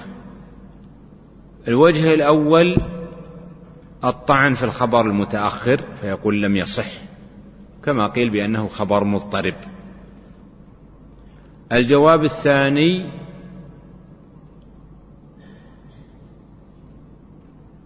يكون بدعوى عدم توارد الخبرين على محل واحد. فيقول حديثي في شيء وحديثك في شيء. حديث أيما إهاب دبغ فقد طهر هذا في الجلد المدبوغ. وحديث لا تنتفع من الميت بإهاب ولا عصب هذا في الجلد غير المدبوغ. وبالتالي لا نقول بالنسخ لعدم تعارضهما. ومن أنواع الاعتراض بدعوى النسخ أن يأتينا خبر أن يستدل المستدل بخبر. فيعترض المعترض فيقول هذا الخبر منسوخ لورود خبر متأخر عليه. مثال ذلك. استدل المستدل على أن شارب الخمر يقتل في الرابعة بالحديث المشهور. من شرب الخمر فاجلدوه فإن عاد فاجلدوه فإن عاد فاجلدوه فإن عاد فاقتلوه. فيعترض المعترض ويقول هذا الخبر منسوخ لأنه قد شرب الخمر رجل في عهد النبي صلى الله عليه وسلم مرارا فكان يجلده ولم يقتله. كما في الحديث أوتي به مرارا فقال رجل لعنه الله ما أكثر ما يؤتى به. فقال النبي صلى الله عليه وسلم لا تلعنه فإنه يحب الله ورسوله. وهذا الخبر متأخر فيكون ناسخا للخبر الأول. فمن ثم نقول بعدم مشروعية القتل. والجواب عن هذا من أوجه. الوجه الأول أن يقول بأن الخبر المتأخر ضعيف مثلا. وبالتالي لا يصح أن تعارضه بالخبر الأول الصحيح.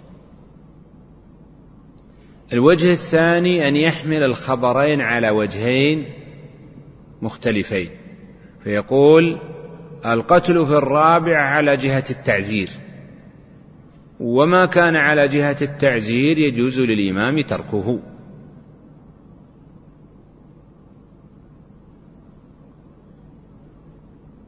من أنواع الاعتراض على الاستدلال بالخبر من السنة الاعتراض بأنه منسوخ بدلالة أن الصحابة عملوا بخلافه.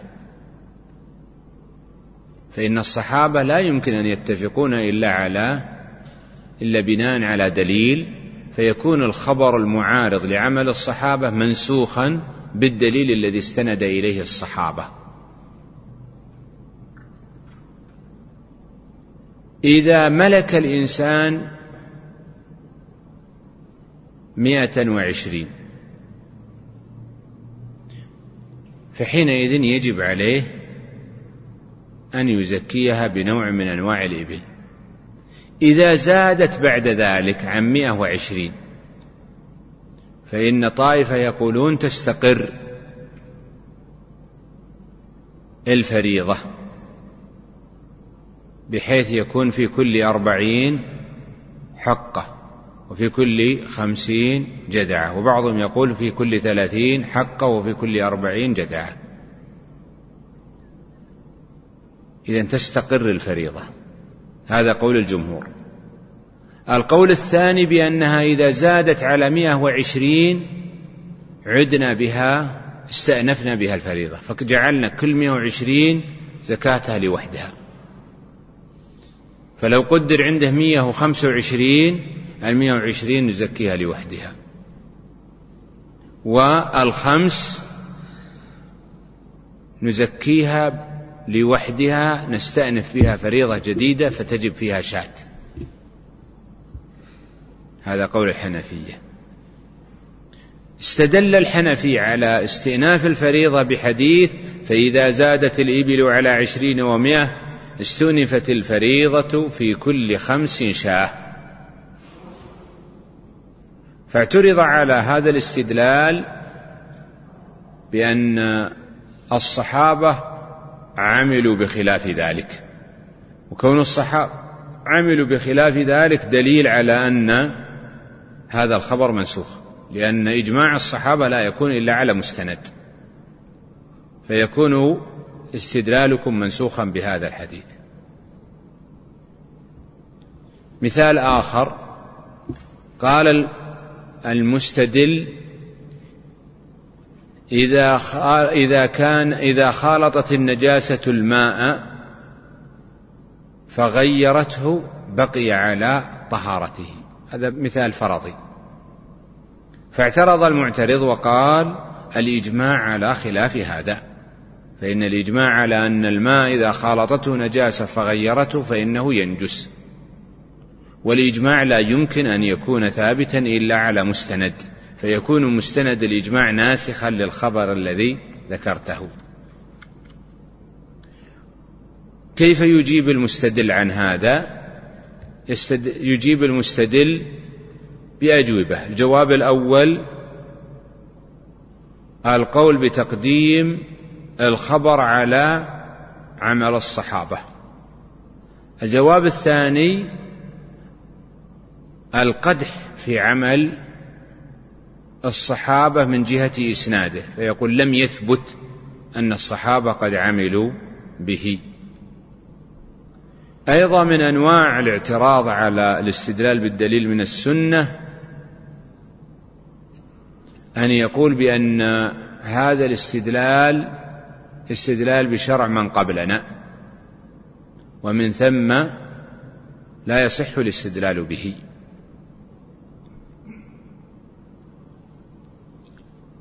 عندما يذكر النبي صلى الله عليه وسلم واقعة من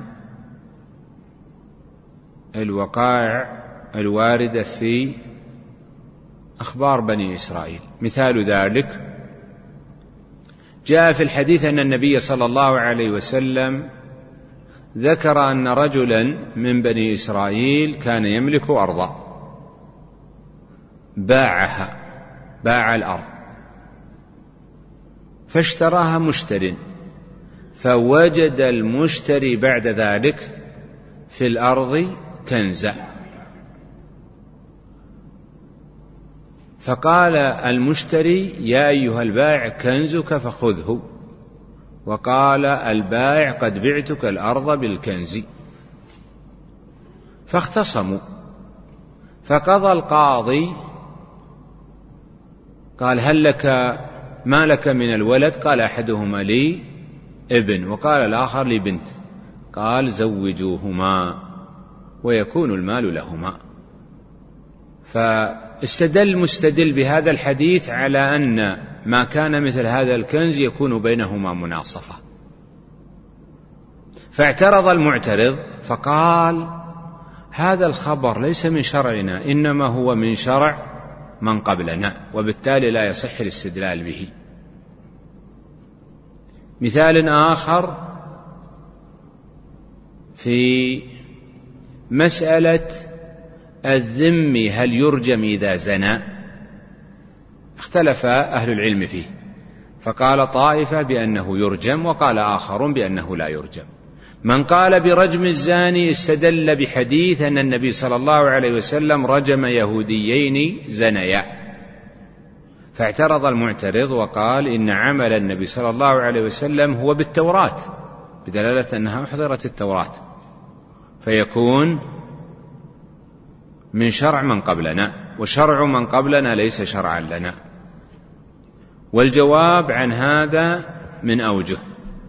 الوجه الأول أن يقال شرع من قبلنا شرع لنا وبالتالي يجب العمل به.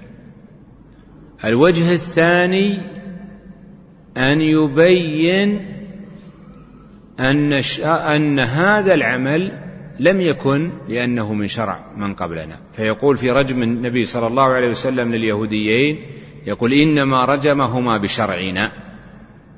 وأما إحضار التوراة فلإقامة الحجة على اليهود بأن الرجم وارد في شريعتهم.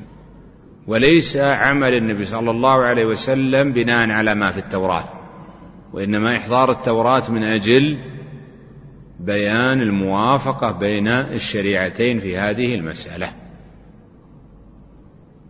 قال المؤلف والحق الحنفية وجه آخر وهو أن يكون هناك حكم جاءت به الشريعة بناء على وجود وصف أو علة أو معنى. فإذا زالت العلة هل يزول الحكم أو لا؟ مثال ذلك استدل مستدل بحديث ورد في عهد النبوة من أجل معنى معين. فاعترض المعترض وقال هذا الحديث إنما ثبت الحكم فيه بناء على الوصف الفلاني. وفي مسألتنا انتفى هذا الوصف. مثال ذلك اختلف الفقهاء في تخليل الخمر. هل تطهر به وتحل أو لا؟ فقال طائفة إذا خللت الخمر بفعل فاعل فإنها تبقى على تحريمها ونجاستها. وقال آخرون إذا خللت الخمر طهرت وجاز بيعها. استدل من قال بالتحريم بحديث أن النبي صلى الله عليه وسلم نهى أبا طلحة عن تخليل الخمر. فاعترض المعترض وقال هذا النهي كان في أول تحريم الخمر من أجل حسم الباب. لكن بعدما استقرت الأحكام فإنه انتفى المعنى الذي من أجله نهى النبي صلى الله عليه وسلم فتكون على الإباحة. وهذا الاعتراض اعتراض فيه ضعف. لماذا؟ لأن المعنى هنا معنى مستنبط والعلة المستنبطة لا يصح أن تعود على أصلها بالتخصيص. وبالتالي لا يصح هذا الاعتراض. الاعتراض الآخر التأويل والمراد بالتأويل أن يقوم المعترض بصرف المعنى الظاهر عن المعنى الراجح إلى معنى مرجوح. استدل المستدل بأمر مثل وآتوهم من مال الله. فاعترض المعترض وقال الأمر هنا ليس للوجوب وإنما للندب كما تقدم معنا هناك. مثال الاعتراض بالتأويل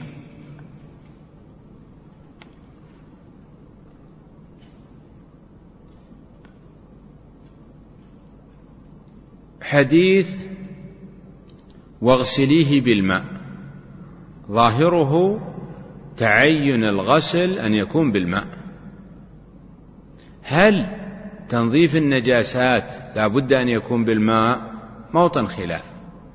بعضهم يقول لا تطهر النجاسة إلا إذا غسلتها بالماء. والقول الآخر يقول النجاسة إذا غسلتها بأي منظف زالت النجاسة.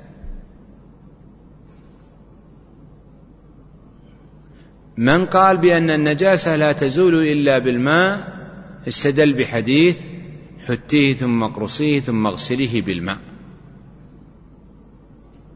فيأتي المؤول ويقول قوله اغسليه بالماء ليس على الوجوب وإنما على الاستحباب. هذا تأويل. ومثل له المؤلف في مسألة المني هل هو نجس ولا طاهر؟ فإن الفقهاء اختلفوا فيه. فقال طائفة هو نجس يجب غسل الثياب منه. وقال طائفة هو طاهر. كما هو مذهب أحمد والشافعي خلافا لمالك وأبي حنيفة. من قال بنجاسة المني استدل بحديث إن كان رطبا فاغسليه. فدل على نجاسته لأن اغسليه أمر والأصل في الأوامر أن تكون للوجوب. فاعترض معترض وقال الأمر هنا نحمله على الاستحباب.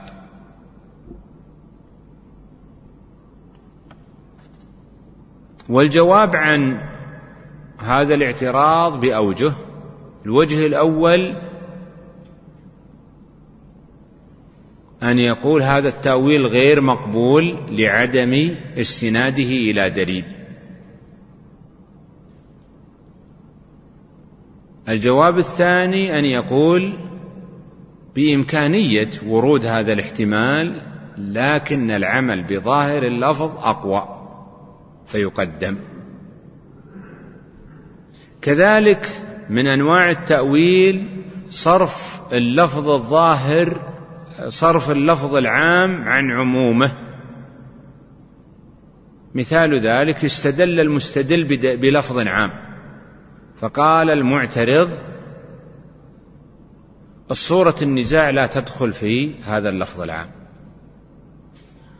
هذا تأويل لأنك صرفت بعض صور اللفظ العام وبعض أفراد العام عن مقتضى دليل العموم. مثال ذلك مسألة المرأة المرتدة هل تقتل ولا ما تقتل؟ عند الجمهور يقولون تقتل. وعند الحنفية يقولون لا تقتل ليست كالرجل. استدل الفقيه من مذهب الجمهور بحديث من بدل دينه فاقتلوه. قالوا هذا يشمل المرأة. فاعترض الحنفي فقال المرأة تخرج من هذا العموم. بدليل كذا.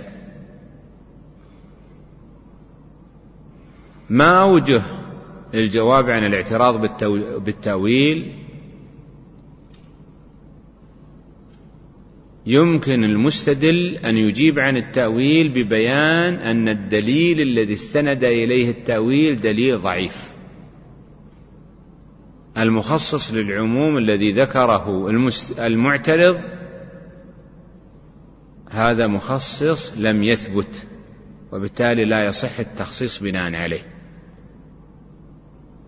والدليل الذي صرف المعترض به الأمر من الوجوب إلى الاستحباب دليل لم يثبت. فاذا خلاصة هذا الجواب أن يقوم المعترض أن يقوم المستدل بإبطال الدليل الذي استند إليه المعترض في التأويل. الاعتراض الثامن وهو الأخير المعارضة.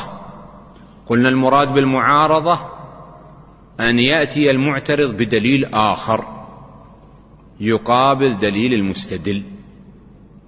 ولا يلزم المعترض بترجيح دليله. مثال ذلك. مسألة أداء الصلوات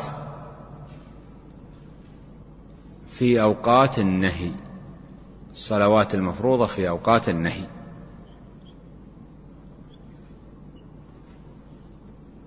مثال ذلك إنسان فاتته صلاة الظهر ونسيها لم يذكر إلا بعد العصر ماذا يفعل؟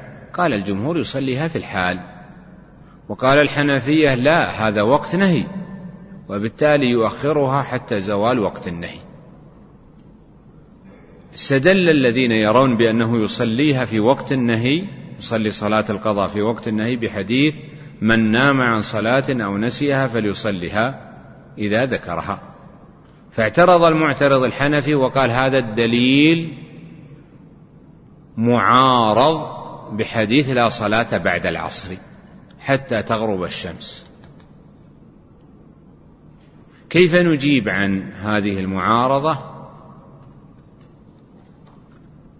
بأمور. أولا ببيان عدم صحة الدليل المعارض. الثاني الجواب الثاني ببيان أن الدليل المستدل أرجح وأقوى من دليل المعترض. فيقول من نام عن صلاة أو نسيها هذا عام لم يتم تخصيصه مطلقا. وأما حديث لا صلاة بعد العصر فورد تخصيصه في صور. والعام غير المخصوص أرجح من العام المخصوص. ثم ذكر المؤلف الاعتراضات الواردة على الاستدلال بالدليل من السنة الذي ورد على سبب. الأول أخبار مبتدأة وهذه أخبار وردت على أسباب.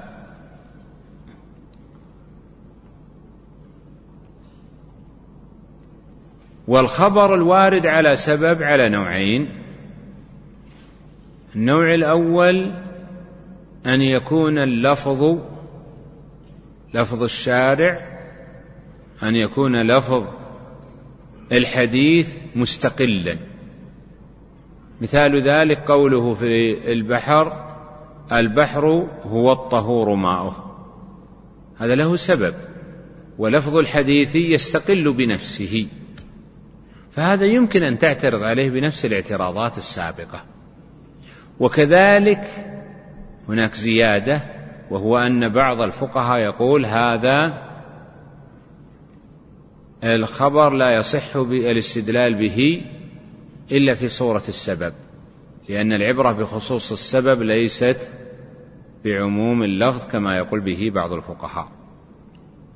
والجواب عن هذا من أوجه الوجه الأول أن يقول العبرة بعموم اللفظ لا بخصوص السبب.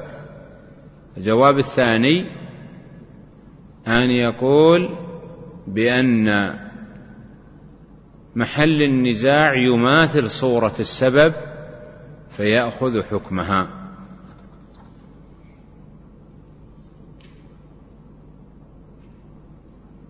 والضرب الثاني فيما ورد على سبب ما لا يستقل بنفسه. كما في الحديث الذي قال جاء الرجل وقال إني جامعت أهلي. قال النبي صلى الله عليه وسلم أعتق أهلك أعتق رقبة أعتق رقبة. هذا لا يستقل بنفسه. كأنه قال إذا جامعت فأعتق رقبة. فيعترض المعترض فيقول هذا الجواب وارد في قضية عين. في رجل واحد وبالتالي لا يصح تعميمه لاحتمال أن يكون الحكم خاصا به. والجواب عن هذا أن نقول بأن حكم النبي صلى الله عليه وسلم على واحد يشمل جميع الأفراد. ومثل له بحديث أو مثل له المؤلف بمسألة مد عجوة مد عجوة هي أن يبيع الإنسان ربويا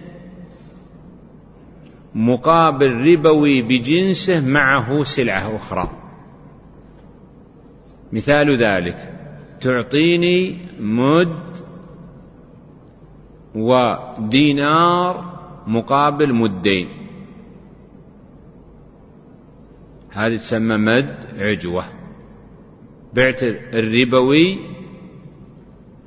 المدين من البر مقابل ربوي من جنسه معه سلعة أخرى وهي الدينار. هذه مسألة مد عجوة.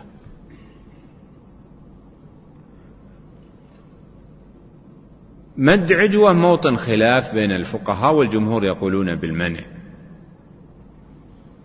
الذين قالوا بالمنع استدلوا بحديث القلادة.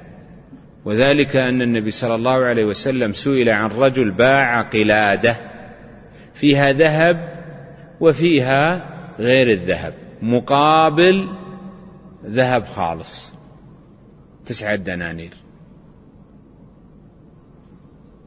فجاء الرجل فقال يا رسول الله ابتعت هذه يعني القلادة التي فيها ذهب وفيها غير الذهب.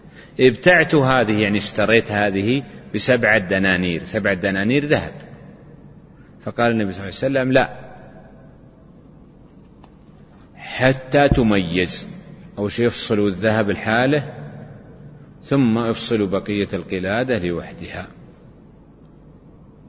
فقوله هنا لا حتى تميز. هذا جواب غير مستقل ورد على سبب. كأنه قال لا تبع القلادة التي فيها خرز وذهب مقابل الذهب حتى تميز بينهما. فيعترض المعترض ويقول هذا ورد في قضية عين. يحتمل أن يكون لخصوصية لهذه المسألة وليس المراد بها عموم القضايا التي تماثل مد عجوة. والجواب عن هذا أن يقال الأصل أن الجواب غير المستقل ليس له معنى ولا علة إلا السبب الذي أريد من أجله. لما قال أعتق رقبة قالوا يمكن عشان طاقن أمه ولا عشان طاقن مخدومة. فنقول هو ما قال أعتق رقبة إلا لما قال له السائل جامعت أهلي. فإذا إذا نقل الحكم مبنيا على سبب لم يصح أن نسند الحكم إلى سبب آخر إلا بدليل. وبالتالي هذه الاحتمالات التي تذكرون لا قيمة لها.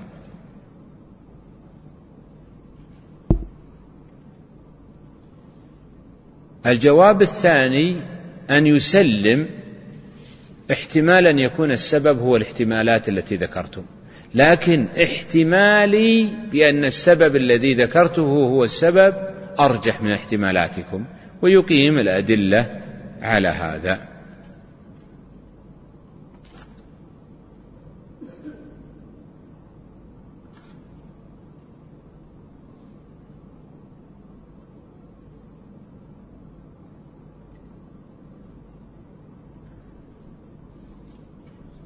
الجواب الثالث أن يبين بطلان استناد الحكم إلى الأسباب التي ذكرها المعترض. يعني لما قلت أعتق رقبة قلت هذا سببه الجماع قال لا يحتمل أن يكون سببه الأكل. فكل من أكل وهو صائم وجبت عليه الرقبة.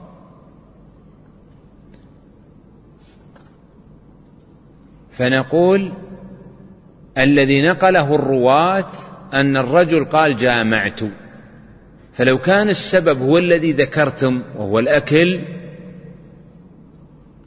لكان الرواة قد نقلوا الأكل. لكن لما قال جامعت فقال هذا الحكم فدل هذا على أن هذا الحكم متعلق بالجماع.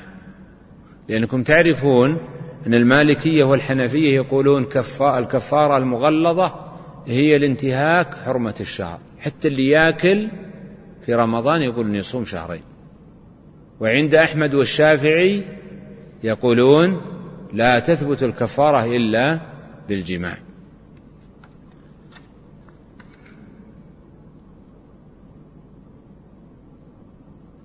الجواب الرابع أن نقول إن الأسباب التي ذكرتموها احتمالا لو كانت مؤثرة في الحكم لذكرها النبي صلى الله عليه وسلم.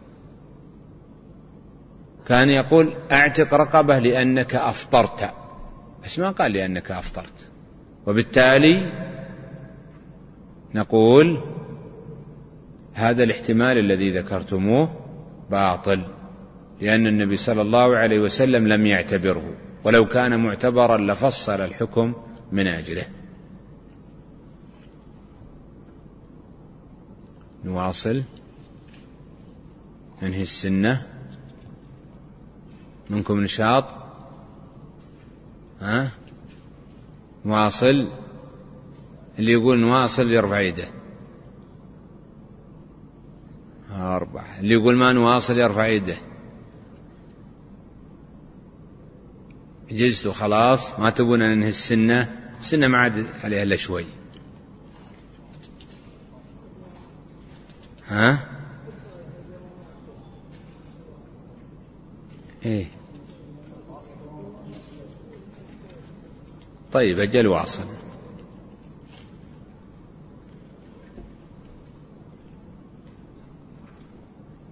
نعم. أحسن الله إليكم فصل. قال الشيرازي رحمه الله وأما الفعل فإنه يتوجه عليه ما يتوجه على القول من الاعتراض. فأول ذلك الاعتراض بأن المستدل لا يقول به وذلك مثل أن يستدل الحنفي في قتل المسلم بالكافر بأن النبي صلى الله عليه وسلم قتل مسلما بكافر وقال أنا أحق من, وفى بذمته. فيقول الشافعي هنا لا تقول به فإن الذي قتله فإن الذي قتله به كان رسولا. وعند أبي حنيفة لا يقتل المسلم بالرسول. والجواب أن يقول إنه لما قتل المسلم بالرسول دل على أنه بالذم أولى أن يقتل. ثم نسخ ثم نسخ ذلك في الرسول وبقي في الذم على ما اقتضاه. والاعتراض الثاني أن ينازعه في مقتضاه وهذا النوع يتوجه على الفعل من طريقين أحدهما أن ينازعه فيما فعل والثاني أن ينازعه في مقتضى الفعل. فأما الأول فمثل أن يستدل الشافعي في تكرار مسح الرأس بما روى أن النبي عليه الصلاة والسلام توضأ ثلاثا ثلاثا وقال هذا وضوئي ووضوء الأنبياء قبلي ووضوء خليل إبراهيم عليه السلام. فيقول الحنفي قوله توضأ ثلاثا معناه غسل لأن الوضوء في اللغة هو النظافة وذلك إنما يحصل بالغسل ولا يدخل فيه المسح. والجواب عنه من وجهين أحدهما أن يبين أن الوضوء في عرف الشرع هو الغسل والمسح في اللغة عبارة عن الغسل فوجب أن يحمل على عرف الشرع. والثاني أن يبين بالدليل من جهة السياق أو غيره أن المراد به الغسل والمسح. والطريق الثاني ما فعله عليه الصلاة والسلام لكنه ينازعه في مقتضى فعله. وذلك مثل أن يستدل الشافعي رحمه الله في وجوب الاعتدال في الركوع والسجود بأن النبي صلى الله عليه وسلم فعل ذلك. فيقول المخالف فعله لا يقتضي الوجوب والجواب عنه من ثلاثة أوجه. أحدها أن يقول فعله عندي يقتضي الوجوب وإن لم تسلم دللت عليه. والثاني أن يقول هذا بيان لمجمل واجب في القرآن وبيان الواجب واجب. والثالث أن يقول قد اقترن به أمر وهو, وهو قوله عليه الصلاة والسلام صلوا كما رأيتموني أصلي والأمر يقتضي الوجوب. والاعتراض الثالث دعوى الإجمال وهو مثل أن يستدل الشافعي في طهارة المني بأن عائشة رضي الله عنها قالت أفرك المني من ثوب رسول الله صلى الله عليه وسلم وهو يصلي ولو كان نجسا لقطع الصلاة. فيقول الحنفي هذا مجمل لأنه قضية في عين فيحتمل أنه كان قليلا ويحتمل أنه كان كثيرا فوجب التوقف فيه. والجواب أن يبين بالدليل أنه كان كثيرا لأن عائشة احتجزت بهذا الخبر احتجت بهذا الخبر على طهارته فلا يجوز أن يحتج بما يعفى عنه ولأنها أخبرت عن دوام الفعل وتكراره ويبعد مع التكرار أن يكون ذلك قليلا مع الكثرة. والاعتراض الرابع المشاركة في الدليل مثل أن يستدل الحنفي في جواز ترك قسمة أراضي المغنومة بأن النبي صلى الله عليه وسلم ترك قسمة بعض حنين. فيقول الشافعي خيبر خيبر. أحسن الله عليكم. بأن النبي صلى الله عليه وسلم ترك قسمة بعض خيبر فيقول الشافعي هذا حجة لي لأن لأنه قسم بعضه وفعله وفعله بعضها يعني بعض خيبر. أحسن الله عليكم. هذا حجة لي لأنه قسم بعضه وفعله يقتضي وفعله يقتضي يقتضي الوجوب. والجواب أن يتأول الفعل ليجمع بينه وبين الترك. والاعتراض الخامس اختلاف الرواية وذلك مثل أن يستدل الحنفي في جواز نكاح المحرم بأن النبي صلى الله عليه وسلم تزوج ميمونة وهو محرم. فيقول الشافعي روي أنه تزوج تزوج تزوجها وهما حلالان. والجواب عن ذلك أمران أحدهما أن يجمع بين الروايتين إن أمكنه والثاني أن يرجح روايته على رواية المخالف. والاعتراض السادس دعوى النسخ وذلك مثل أن يستدل الحنفي وهو, في سجود السهو أن النبي عليه الصلاة والسلام سجد بعد السلام. فيقول له الشافعي هذا منسوخ بما روى الزهري قال كان آخر الأمرين من رسول الله صلى الله عليه وسلم قبل السلام. والجواب أن يتكلم على الناسخ بما يسقطه أو يجمع, أو يجمع بينهما بالتأويل. والاعتراض السابع التأويل وهو مثل والاعتراض السابع التأويل وهو مثل أن يستدل الحنفي بأن النبي صلى الله عليه وسلم تزوج ميمونة وهو محرم. فيقول الشافعي يحتمل أنه أراد محرم محرم يحتمل أنه أراد محرم بالحرم لا بالإحرام فيحمل على ذلك بدليل. والجواب أن يتكلم على الدليل بما يسقطه ليسلم له الظاهر. والاعتراض الثامن المعارضة. وذلك قد يكون بظاهر وقد يكون بعلة. فأما الظاهر فمثل أن يستدل الشافعي في رفع اليد حذو المنكب بما روى أبو حميد الساعدي أن النبي صلى الله عليه وسلم رفع يديه حذو منكبيه. فيعارضه الحنفي بما روى ابن ابن حجر أن النبي صلى الله عليه وسلم بما روى وائل ابن حجر. نعم. عليكم. بما روى وائل بن حجر أن النبي صلى الله عليه وسلم رفع يديه حيال أذنيه. والجواب أن يتكلم على المعارضة بما, ذكر بما ذكرناه من وجوه الاعتراضات أو يرجح دليله على ما عرض به بما نذكره في باب الترجيحات إن شاء الله. وإن كانت المعارضة بالعلة فالجواب عنه أن يتكلم عليها بما يتكلم على العلل.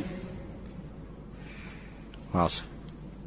فصل قال رحمه الله وأما الإقرار فضربان إقرار على القول وهو كقوله عليه الصلاة والسلام في الاعتراض والجواب وإقرار على الفعل وهو كقوله عليه الصلاة والسلام في الاعتراض والجواب وقد بينا الجميع.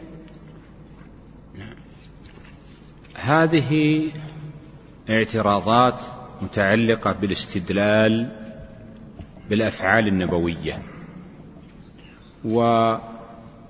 والاستدلال بالأفعال النبوية قد نعترض به بقول بعض من الأفعال النبوية ليست بحجة. وقد نعترض به أن نعترض على الاستدلال بالفعل بأن نقول إن فعله ليس على جهة القربة.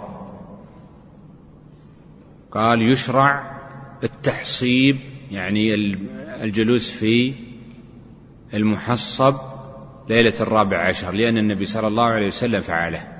فاعترض عليه بأن هذا الفعل لم يفعل على جهة القربة ومن ثم لا يشرع الاقتداء به فيه. وقد يعترض عليه بأن هذا الفعل من خصائص النبي صلى الله عليه وسلم. وخصائص النبي صلى الله عليه وسلم لا يصح أن يقتدى به فيها. مثال ذلك مداومة صلاة ركعتين بعد صلاة العصر. فيقال هذا خاص بالنبي صلى الله عليه وسلم. أيضا من الاعتراضات على المتن في الأفعال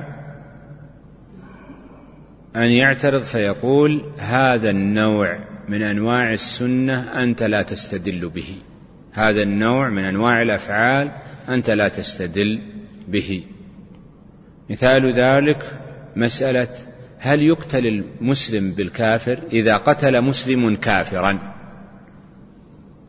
فهل يقتل المسلم قصاصا؟ قال الجمهور لا يقتل. وقال الحنفية إذا قتل المسلم ذميا قتل المسلم بالذمي. واستدلوا استدل الحنفية بفعل وهو أن النبي صلى الله عليه وسلم قتل مسلما بكافر وقال أنا احق من وفى بذمته. فاعترض المعترض عليه قال أنت لا تقول بي هذا الخبر لأن هذا الكافر رسول مرسل مستأمن. وأنت تقول يا أيها الحنفي بأن المسلم لا يقتل به الرسول المرسل أو بالمستأمن إنما تقول به في الذمي. والجواب عن هذا أن يقول بأن ما ذكرت من الاعتراض هو الأصل أنه لا يقتل المسلم بالرسول. فالحديث ورد في قتل المسلم بالرسول. فأثبتنا مشروعية قتل المسلم بالرسول وقسنا عليه بقية أهل الذمة. ثم نسخ الأصل وهو قتل المسلم بالرسول وبقي الفرع. الذي هو قتل المسلم بالذمي لكن هذا الجواب ضعيف لأنه إذا سقط الأصل سقط فرعه.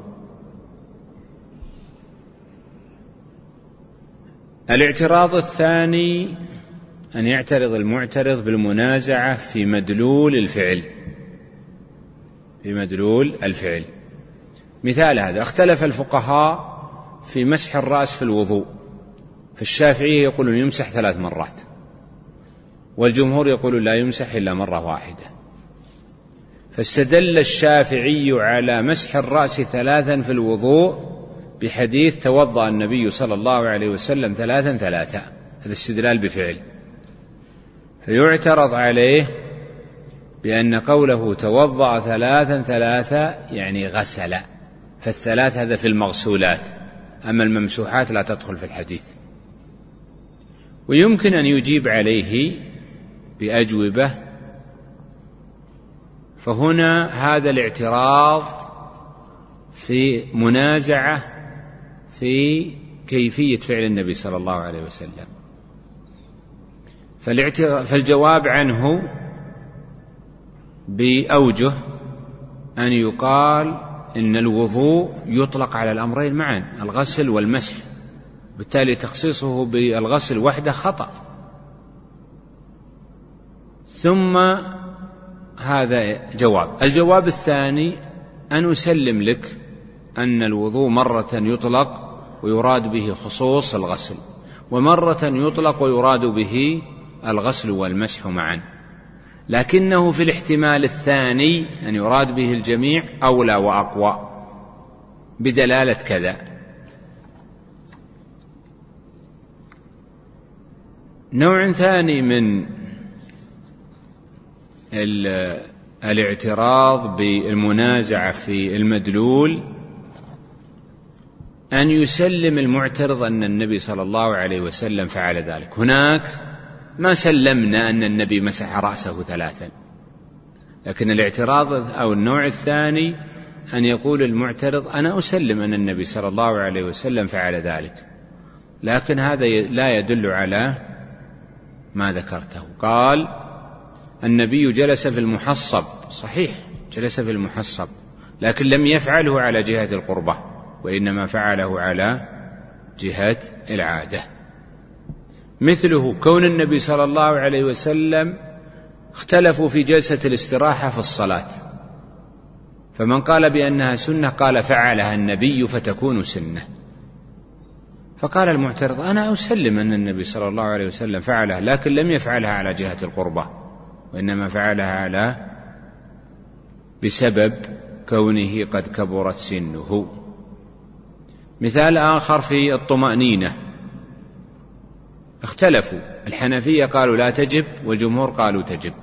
استدل واحد من ممن يقول بالوجوب قال إن النبي صلى الله عليه وسلم كان إذا صلى يطمئن في صلاته.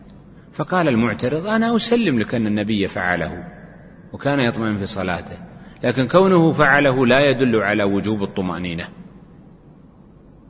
والجواب عن هذا من أوجه الأوجه الوجه الأول أن يقول المعترض أن يقول المستدل الأصل في الأفعال النبوية أن تحمل على الوجوب ولا يصح صرفه عن الوجوب إلا بدليل.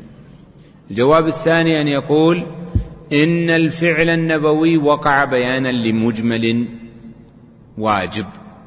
والفعل الذي يقع بيانا لمجمل واجب يأخذ حكما في الوجوب. الجواب الثالث أن يقول إن هذا الفعل اقترن به أمر وهو أن النبي صلى الله عليه وسلم أمر به. كما في حديث المسيء في صلاته فإن النبي صلى الله عليه وسلم أمره بالاعتدال. الاعتراض الثالث أن يقول إن الفعل أن يقول المعترض إن الفعل الذي ذكرته مجمل. كما في مسألة طهارة المني عند مالك وأبي حنيفة هو نجس وعند أحمد والشافعي هو طاهر. فاستدل من يرى طهارة المني بحديث كنت أفرك المني من ثوب رسول الله صلى الله عليه وسلم. ولو كان نجسا لما صح أن تكتفي بالفرك ولوجب الغسل. فاعترض المعترض وقال هذا مجمل لورود احتمالات عليه. لأنه يمكن أن يكون قليلا ويسير النجاسة يعفى عنها. ويحتمل احتمالات أخرى وبالتالي نتوقف فيه ولا نستدل به. والجواب عن هذا إما بإبطال الاحتمال الذي ذكره المستدل وإما بتسليم ورود الاحتمال مع ترجيح احتمال المستدل. قال أنا صحيح هذا الحديث يحتمل أن يكون قليلا ويحتمل أن يكون كثيرا. لكن لما استدلت به عائشة رضي الله عنها على طهارة المني دل على أنه كثير. أو لأنها قالت كنت أفرك. وكنت لفظ يدل على الدوام والتكرار. الاعتراض الرابع المشاركة في الدليل. فيقول يختلفون في مسألة ويستدل أحدهما بفعل نبوي. فيقول المعترض هذا الفعل النبوي يدل على مذهبي لا يدل على مذهبك. أو يدل على صحة مذهبي كما يدل على صحة مذهبكم من ثم لا يصح الاستدلال به. إذا استولى المسلمون على بلد الأراضي التي فيه ماذا يفعل بها؟ طائفة يقولون يبقى أهلها عليها وطائفة يقولون تقسم على الغانمين وطائفة يقولون تكون في بيت المال. من قال بأنها لا تقسم على الغانمين استدل بأن النبي صلى الله عليه وسلم في غزوة خيبر لم يقسم بعضها.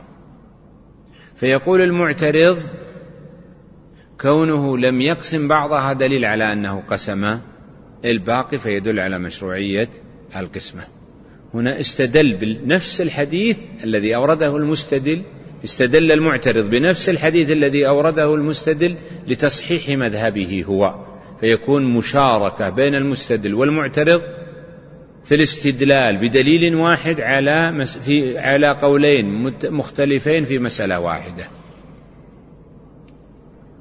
كيف نجيب عن هذا؟ يجيب المستدل إما ببيان أن هذا الدليل لا يدل على مذهب المعترض وإما ببيان أنه يدل على المذهبين أو يترجح أو يتردد بين المذهبين لكنه في مذهب المستدل أقوى فيحمل عليه الاعتراض الخامس اختلاف الرواية فيستدل المستدل بفعل نبوي فيعترض المعترض عليه ويقول هناك رواية أخرى تدل على خلاف ذلك. مثال ذلك مسألة نكاح المحرم الحنفية يقولون هو باطل والجمهور يقولون الحنفية يقولون هو صحيح والجمهور يقولون هو باطل. ويستدل الجمهور بحديث يعني يستدل الحنفية بحديث ابن عباس أن النبي صلى الله عليه وسلم تزوج ميمونة وهما وهو محرم. فيعترض عليه المعترض ويقول ثبت عندي أن النبي صلى الله عليه وسلم تزوجها وهما حلالان من حديث ميمونة ومن حديث أبي رافع. قال أبو رافع وكنت السفير بينهما. فدل هذا على أن زواجه صلى الله عليه وسلم بميمونة وهما حلالان. كيف يتمكن المجيب من الإجابة بأوجه؟ الوجه الأول أن يبين بطلان إسناد أو يبين عدم صحة الفعل عدم صحة نسبة الفعل الذي نقله المعترض إلى النبي صلى الله عليه وسلم. يقول لم يثبت أن النبي فعله. الجواب الثاني أن يقول كلاهما ثابت فلا بد من الترجيح لأنها قضية واحدة. وما قلته أرجح بدلالة كذا. الاعتراض السادس دعوى النسخ. فيقول المعترض إن الفعل الذي نقلته واستدللت به يا أيها المستدل فعل منسوخ. مثال ذلك في مسألة سجود السهو هل هو بعد السلام أو قبل السلام؟ الحنفية يقولون بعد السلام مطلقا ويستدلون على ذلك بحديث سجد بعد السلام كما في حديث اليدين. فاعترض المخالف لهم الذي يقول بأن سجود السهو يكون قبل السلام بحديث كان آخر الأمرين من رسول الله صلى الله عليه وسلم السجود قبل السلام. والاعتراض أو الجواب عن هذا الاعتراض إما بإبطال الفعل الذي ادعي ناسخا فيقول هذا من حديث الزهري عن النبي ومراسيل الزهري ضعيفة. أو أن يبين ثبوت الأمرين مع ثبوت الفعلين مع رجحان الفعل الذي ذكره المستدل. أو أن يتمكن من الجمع بينهما بحمل أحدهما على حال وحمل الآخر على حال آخر. الاعتراض السابع التأويل. بأن يقوم المعترض بصرف الفعل النبوي الذي استدل به المستدل إلى خلاف ظاهره. في مسألة نكاح المحرم استدل الحنفي بأن النبي صلى الله عليه وسلم بأنه قد ورد من حديث ابن عباس أن النبي صلى الله عليه وسلم تزوج ميمونة وهو محرم. فيقول المعترض قوله محرم المراد بها أنه داخل الحرم. وليس المراد بها أنه في النسك. والدليل كذا. والجواب عن هذا ببيان أن الاحتمال الذي ذكره المعترض لا يثبت. أو أن الدليل الذي صرفه أو أن الدليل الذي صرف المعترض به ظاهر اللفظ عن ظاهره دليل لا يصح. وبالتالي يكون تأويلا باطلا. الاعتراض الثامن المعارضة. فإن المستدل لما استدل بفعل نبوي اعترض عليه المعترض بإيراد دليل آخر يعارض الفعل النبوي. مثال ذلك اختلف الفقهاء في رفع اليدين في الركوع والرفع منه. هل ترفع أو لا ترفع؟ فاستدل الحنفي على عدم مشروعية الرفع بحديث ابن مسعود كان النبي صلى الله عليه وسلم يرفع يديه في تكبيرة الإحرام ثم لا يعود. فيعترض عليه المعترض ويقول عندي عشرة أحاديث تعارض هذه الرواية. فقد ثبت من حديث أبي هريرة وابن عمر وغيرهم أن النبي صلى الله عليه وسلم كان إذا رفع يديه إذا إذا كبر للركوع رفع يديه حذو منكبيه. والجواب عن هذا إما بالطعن في المعارض يقول لم يثبت حديث ابن مسعود كما لو استدل واحد من الجمهور بحديث